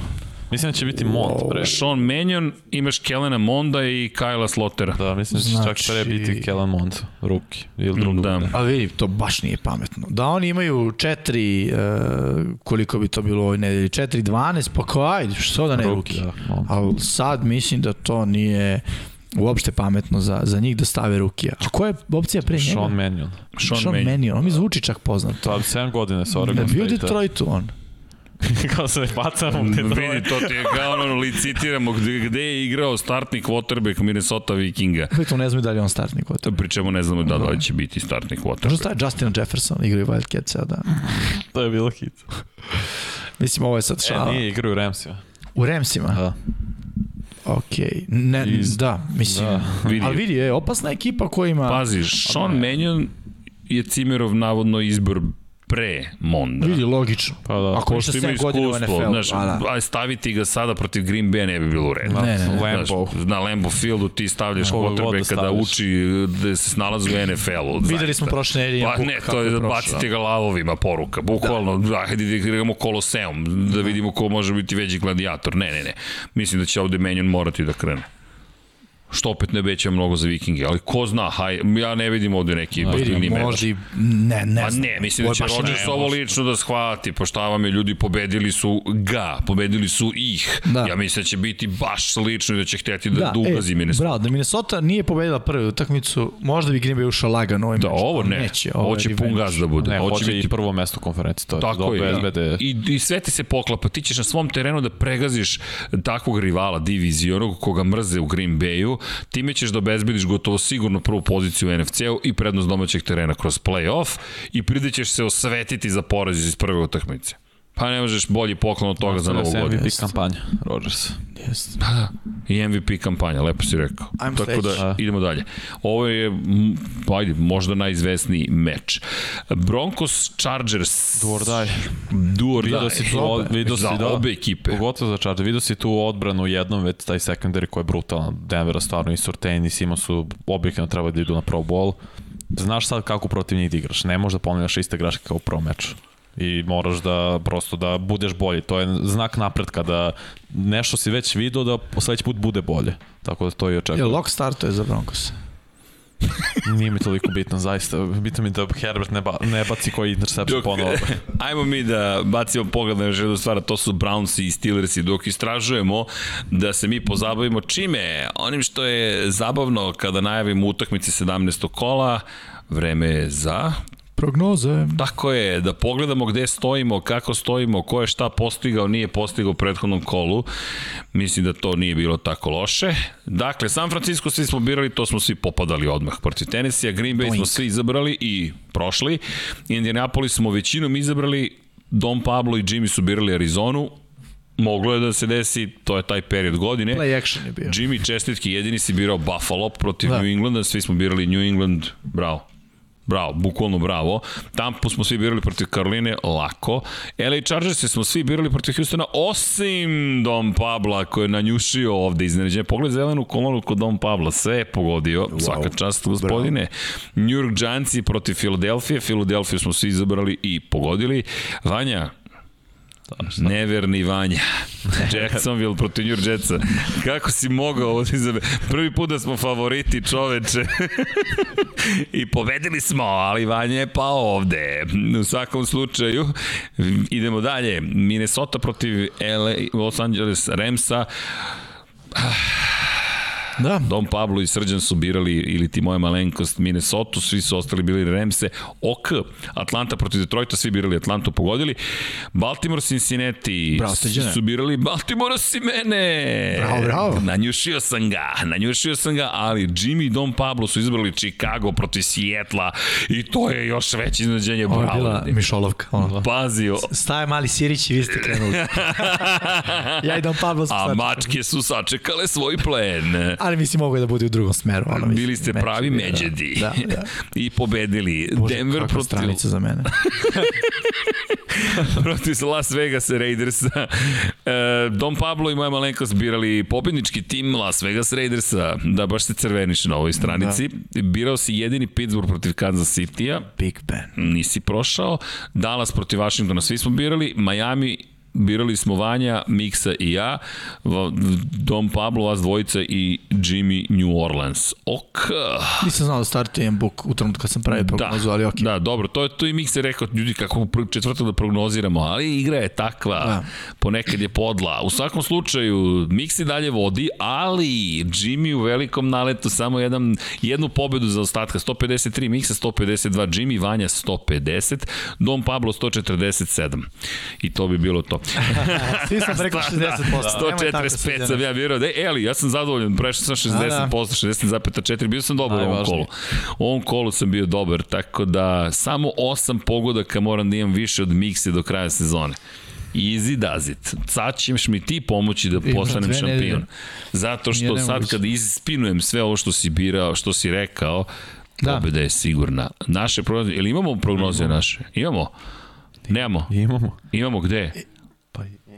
Imamo. Grafiku? Imamo. O, čekaj, mi smo to u poslednji čas birali, i svi smo zlopotrebili game day da pošaljemo u poslednjem trenutku i kao šta ćemo. Mislim da je Miksa popunjavao kad smo počeli. Uh, ok. Ili ti vratio se iz, uh, vratio iz se šume. iz šume, vratio se lovac miksa. Tako da jelku. ćete vidjeti. Da. A legalno. Pozdrav za miksu, naravno. Pozdrav za miksu, nadam se da nam je tu. Možda i u komentarima nisam obratio pažnju. Pokušamo svi. Jimmy, još 3 minute imamo.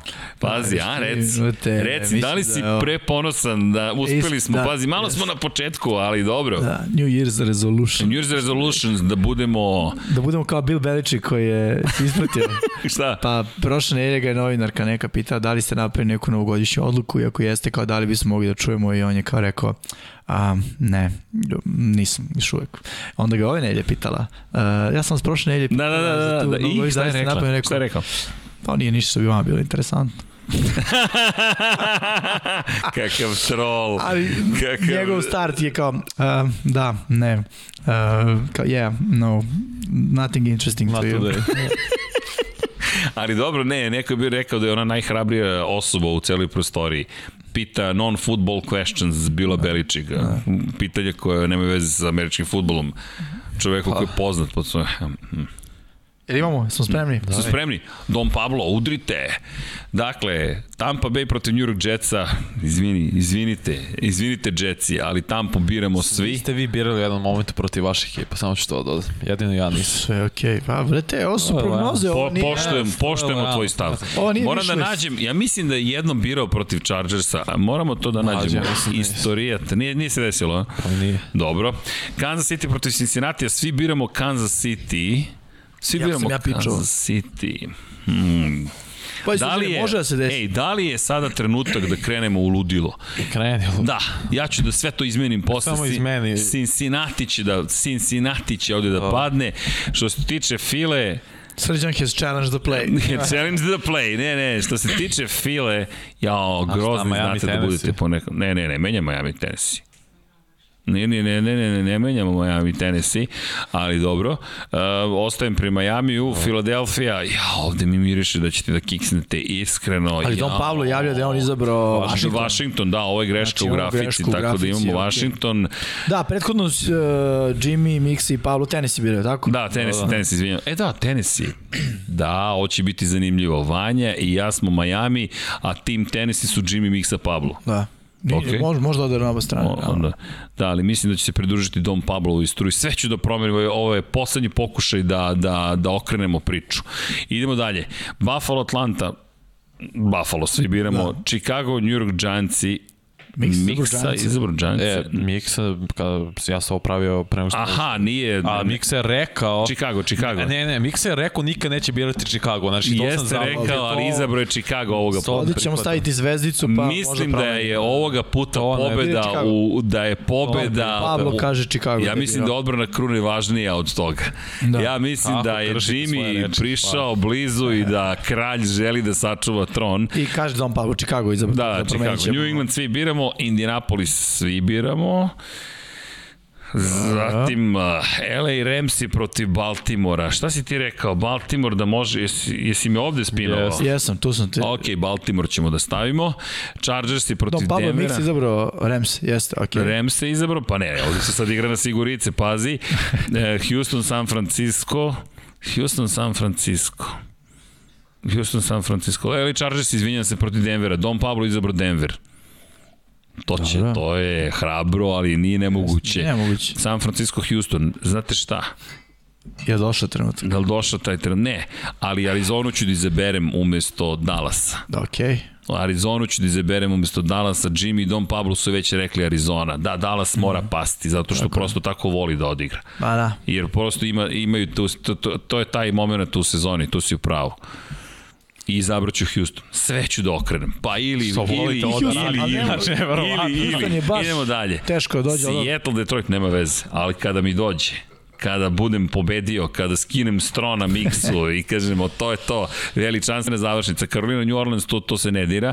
Green Bay, Minnesota takođe. I Don Pablo i ja biramo Pittsburgh protiv Clevelanda, svi ste birali Cleveland.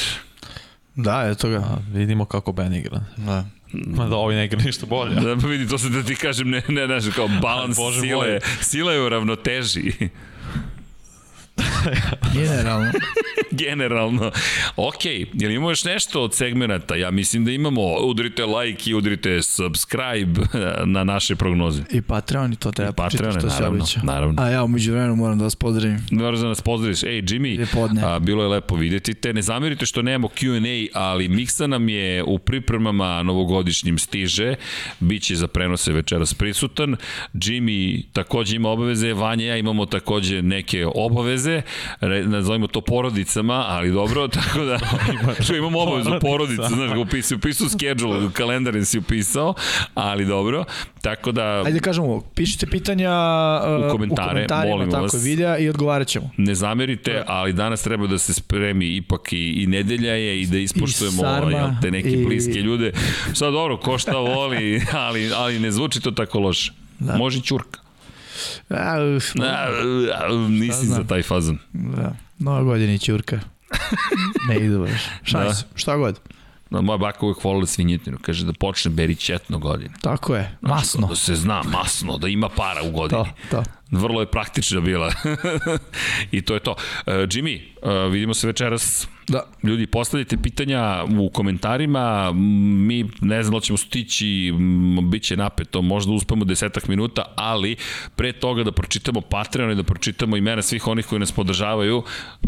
Treneru, hvala i da lepo je bilo vidjeti vas sa, sa prstenom. Hvala za ove, za ove posebne prognoze koje ste, mi po, kojim, kojim ćete mi pomoći da budem najbolji ove sezone. I tako, srećna nova godina, ljudi. A, što se tiče Patreona, 31. decembra je trebalo da čitamo imena, ali pošto je u Fioci nije se desilo, Kajron da napravi. 2. januara. Kajron, pa napravit ćemo, ko zna šta ćemo da napravimo u novoj godini, nešto lepo, ali mislim da zaslužuju svi ovi ljudi da im se mene čitaju svaki put, no, mnogo je, što je super pozitivno, samo ćemo da smislimo da imamo kako da uvek pročitamo imena ljudi koji su tu i da im se zahvalimo i imat ćemo i novu listu, to su i ljudi na YouTube-u koji su se uključili u celu priču, koji su se joinovali, koji su se pridružili tamno Ja i sam to strani. da se ide neki video na kraju da mi snimimo to čitanje. Da snimamo čitanje, pa Da može kako god video. vanja, ali mora da se ispoštuju ljudi, to je ono što Da, je da, da. poenta i, i onoga što radimo. U svakom slučaju, hvala ljudi za sve, patreon.com kroz Infinity Lighthouse, Sava, Toni Ruščić, Mario Vidović, Ivan Toškov, Stefan Dulić, Marko Bogovac, Ozren Prpić, Marko Mostarac, Nikola Grujičić, Aleksa Vučaj, Zoltan Mezeji,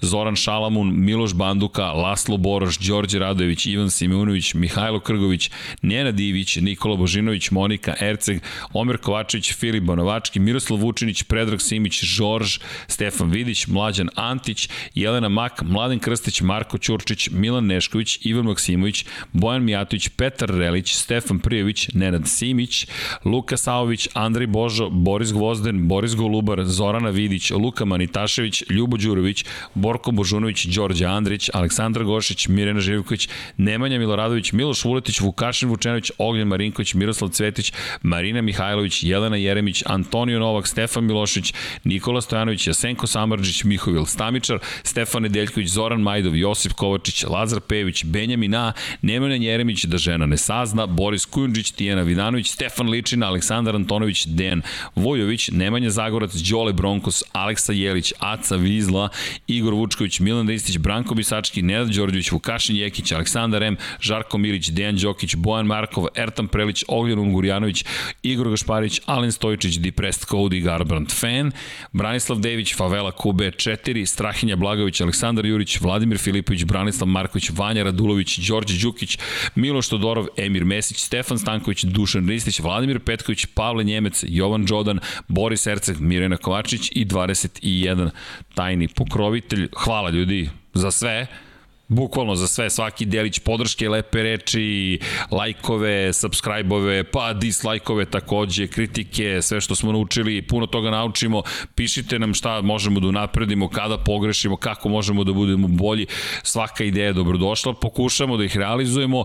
Neki uspemo brže, neki uspemo malo sporije, neki ne uspemo uopšte, neke smo možda i bez ikakvih saveta realizovali već, nadam se da je tako, ali eto, i za novu godinu, i za početak nove godine, Game Day specijal, baš sam rado što smo ovo radili danas, jeste da je vreme dosta ograničeno, ali dan je kada se zapravo započinje kraj sezone. Nije još poslednje kolo, navikli smo oko novogodišnjih praznika da je poslednje kolo, nove navike stičemo ove sezone, Super Bowl se takođe pomere za jednu mm. nedelju, Pro Bowl, početci play-offa i tako dalje, ali večeras 17. kolo počinje, ko ovo gleda u snimku, nadam se da je bilo uzbudljivo, nadam se da smo ispogađali i da sa svim ovim promenama će se desiti revolucija u našim prognozama.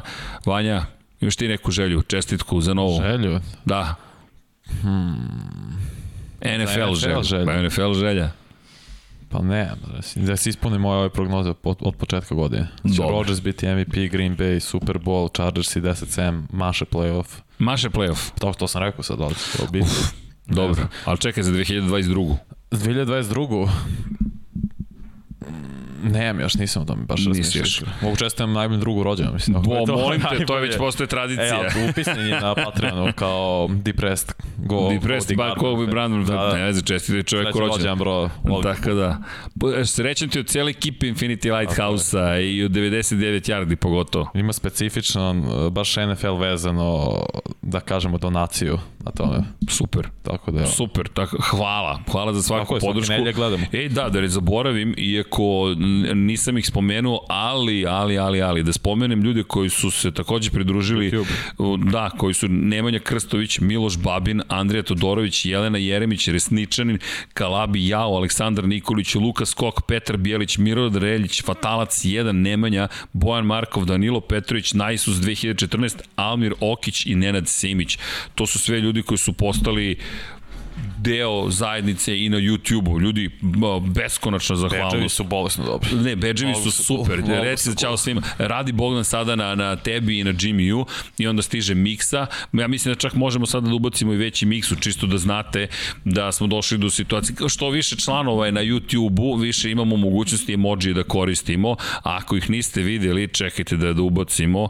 Evo ga, čao svima jedan, čisto da vidite ko je, ko je radio join može da se, može da ih koristi, ali i da, ne zaboravimo prenose, za malo da zaboravimo, da, da, ne Dom Pablo mi ovde signalizira da je hvala Dom Pablo, udrite, jao, jao, jao, kada su mečevi, Raiders i Kolci večeras od 19.00 na Sport klubu 2, Da, evo, piše sad i Dimitri Đokić, momci prenosi, ne zaboravite.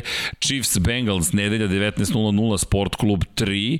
Cardinals i Cowboys 22-25 Sport Club 3, Panthers i Saints 22-25. Ako pitate zašto su izabrane ove utakmice za sve koje eventualno ne znaju, Liga, bukvalno NFL, National Football League bira šta će se emitovati u Evropi, jel te na našem kontinentu sve televizije dobijaju ovaj raspored i mi možemo samo pošaljemo zahteve, molbe, predloge, ali konačna odluka je bukvalno u Njurku u NFL-u. Zatim, Vikings i Packersi večeras, nedelja na ponedeljak od 2 časa 20 minuta Sport klub 1 i ponedeljak na utorak 2 časa 15 minuta Browns i Steelers i kao što si rekao poslednji možda poslednji meč Ben Roethlisberger poslednji meč Ben Roethlisberga. pa deluje da je gotovo izvesno na stadionu na kojem je stvorio celu karijeru sa timom s kojim je osvojio dve titule dva puta bio šampion tako da je to oprošto i Monday Night Football. Mislim da je prikladan da bude Monday Night -hmm. Football da to bude što kažu velika scena i još protiv tima protiv kojeg jel te imao je dobre utakmice koji nekada nije bio toliko moćan sada je već opasan rival, ali i u utakmici koja je veoma značajna za eventualni ulazak u play-off. Nije mala stvar zaista nije imala stvar. I Pittsburgh kao grad futbola, sporta, ali pre svega američkog futbola, mislim da će naći način da se oprosti od Ben Roethlisbergera na, na, na, na, na, na način koji doliko je bukvalno. Tako. Jer doliko je, bez obzira što sada više nije u toj formi, to je čovek koji me donio dve od šest titula. Pa legenda, šest, Hall of Fame quarterback. Hall of Fame, pa ne, on je prvi, kada ga budu predložili prvi put, on ulazi u Hall of Fame. Da. Pa teško mi da poverujem da, da, da nekoga ko dolazi iz Steelersa, što, ko je postigao to što je postigao, ko je svoje dve titule, da će ga reći... Ej, sad ako mu ne zamere probleme van terena. Da, mo, to može da se desi, to može da eventualno bude, da. Pošto tamo je zaslužio ozbiljne, ne kritike, nego je da. zaslužio da... da... A videli smo drugi igrače da su baš iz tih razloga jako je Nestajali iz ligi praktično. Ne nestajali iz ligi, uh, odlagali Hall of Fame ulazak. Jako je striktno piše, jedino ono što je na terenu je bitno, ali te, dobro, Terrell Owens je sklonjen. Piše mnogo Čekan toga. toga. Da, da ne. ali vidi i činjenice da ono što je učinio jeste prilično problematično. Da, da. da se zaustavim na tome, otvorit ćemo temu koja je beskonačna. Ali, nadam se da ste uživali, ne zamerite što danas nemamo pitanja i odgovore, ali i, i nas čekaju porodice s druge strane idemo da se spremimo za večerašnje utakmice. Pozdrav za celu ekipu 99 Yardi. Dom Pablo standardno tu srđan nam je pobegao. Miksa je stigao u grad, Jimmy je napustio prostorije, ali je tu njegova fotelja, tu je i zvonce. Ove godine pripremamo još neka iznenađenja i možemo da kažemo da, da će biti prošle godine, ove godine smo uvili, prošle godine zapravo sada već smo uvili školicu, crtali smo, pisali, Jimmy Mixa su vas podučavali i nas dvojicu naravno uh mhm. -huh. šta, kako, Combine gde, kada funkcioniše. U Combine smo snimili u 2021. godini, spremamo se za, ej, uskoro će za 2022. Okay. Ti si u treningu, vidi, to, tu ne brinemo, Vanja je spreman, njim uveli smo i, pa možemo reći da smo cele godine prisutni, to nije bio slučaj ranije, tako da nema više klasičnih pauza, povremeno je napravimo, ali jedan mesec smo praktično pauzirali, inače smo konstantno tu, tako će biti, a sada počinje onaj najuzbudljiviji period narednih sedam nedelja u kojima ćemo se truditi da budemo još bolji i da prikažemo neke nove stvari koje niste do sada imali preko da vidite u 99 yardi. Tako da znate. Nadam se da, evo i čao svima, se šalje Almir Okić. Imate još e, zanimljivih, jel te, emojija, ali su uglavnom vezani za Lab 76, međutim sada stižu do 99 yardi. Ljudi, hvala za podršku, udrite like, udrite subscribe, ali pošto počinje nova godina, šaljemo vam pre svega puno pozitivne energije, Ljubav je najvažnija stvar. Neko mi rekao, prijateljica jedna kaže, ej, slušaj, mnogo je cinizma. I rekao, jel gledaš Infinity Lighthouse? Kaže, ne. Rekao, počni da gledaš. Zašto? Pa, po, kaže, može neko da poruče malo nešto lepše, neku ljubav da šalje. Evo, mi vam šaljemo ljubav. Mazite se i pazite se, vodite računa jedni u drugima, budite što bolji možete da budete i potrudite se da vam bude lepo 2022. Svakako se nada da ćete pratiti Infinity Lighthouse i 99 yardi. Mi nećemo stati kada je reč o našoj ideji, viziji, misiji, kako god da pokušamo da prenesemo neke lepe stvari. Tako, tako da potrudit ćemo se da vam ulepšamo godinu i vi nama svakako ulepšavate. Tako da budite sa nama, pošaljite 917 ili 1158 na 3030 Human 917, Human 1158 455 u Švajcarskoj, gde god da živite, poželite svojim, svojim voljenima, prvo mi recite da ih volite, pozovite kog god niste dugo pozvali, a mogli biste, i lepo se provedite to za večerašnji zapravo pravu proslavu nove godine, a to su naravno utakmice američkog futbola NFL-u. Vanja, želim ti da ti bude lepa i uspešna godina. Takođe, Srki, puno lepih uspeha. I da napravimo mnogo lepih 99 yardi. O, hoćemo. Da to bude 9999 miliona yardi. Tek će biti. Don Pablo, ćemo praviti čudo. srećni praznici, sve najlepše, da bude lepa godina, da se ostvare snovi i da budete srećni i zadovoljni. Možda malo da izgubite, o, na kilaži ne zamerite, ali prijatelji smo pa možemo da vam skrenemo. Ide na masu, nabija. A nabija masu. A, a. Ali je li to mišićna masa ili... Mišić, Mora, izbati, mora se izbati 180 iz mrtvog nekog, to je za se podići. Misliš da će moći? Sigurno. Kako je krenuo, ne bi me iznenadilo. Ali, šalu na stranu, Dom Pablo je enigmatični prijatelj koji stoji ovde i drži stvari pod kontrolom kada smo mi za stolom pogotovo, a inače, u svakom slučaju, ljudi, srećni praznici, sve najlepše i budite naravno sa 99 Yard Infinity Lighthouse-om i naravno, hoćemo valje zajedno. Ćao svima! svima.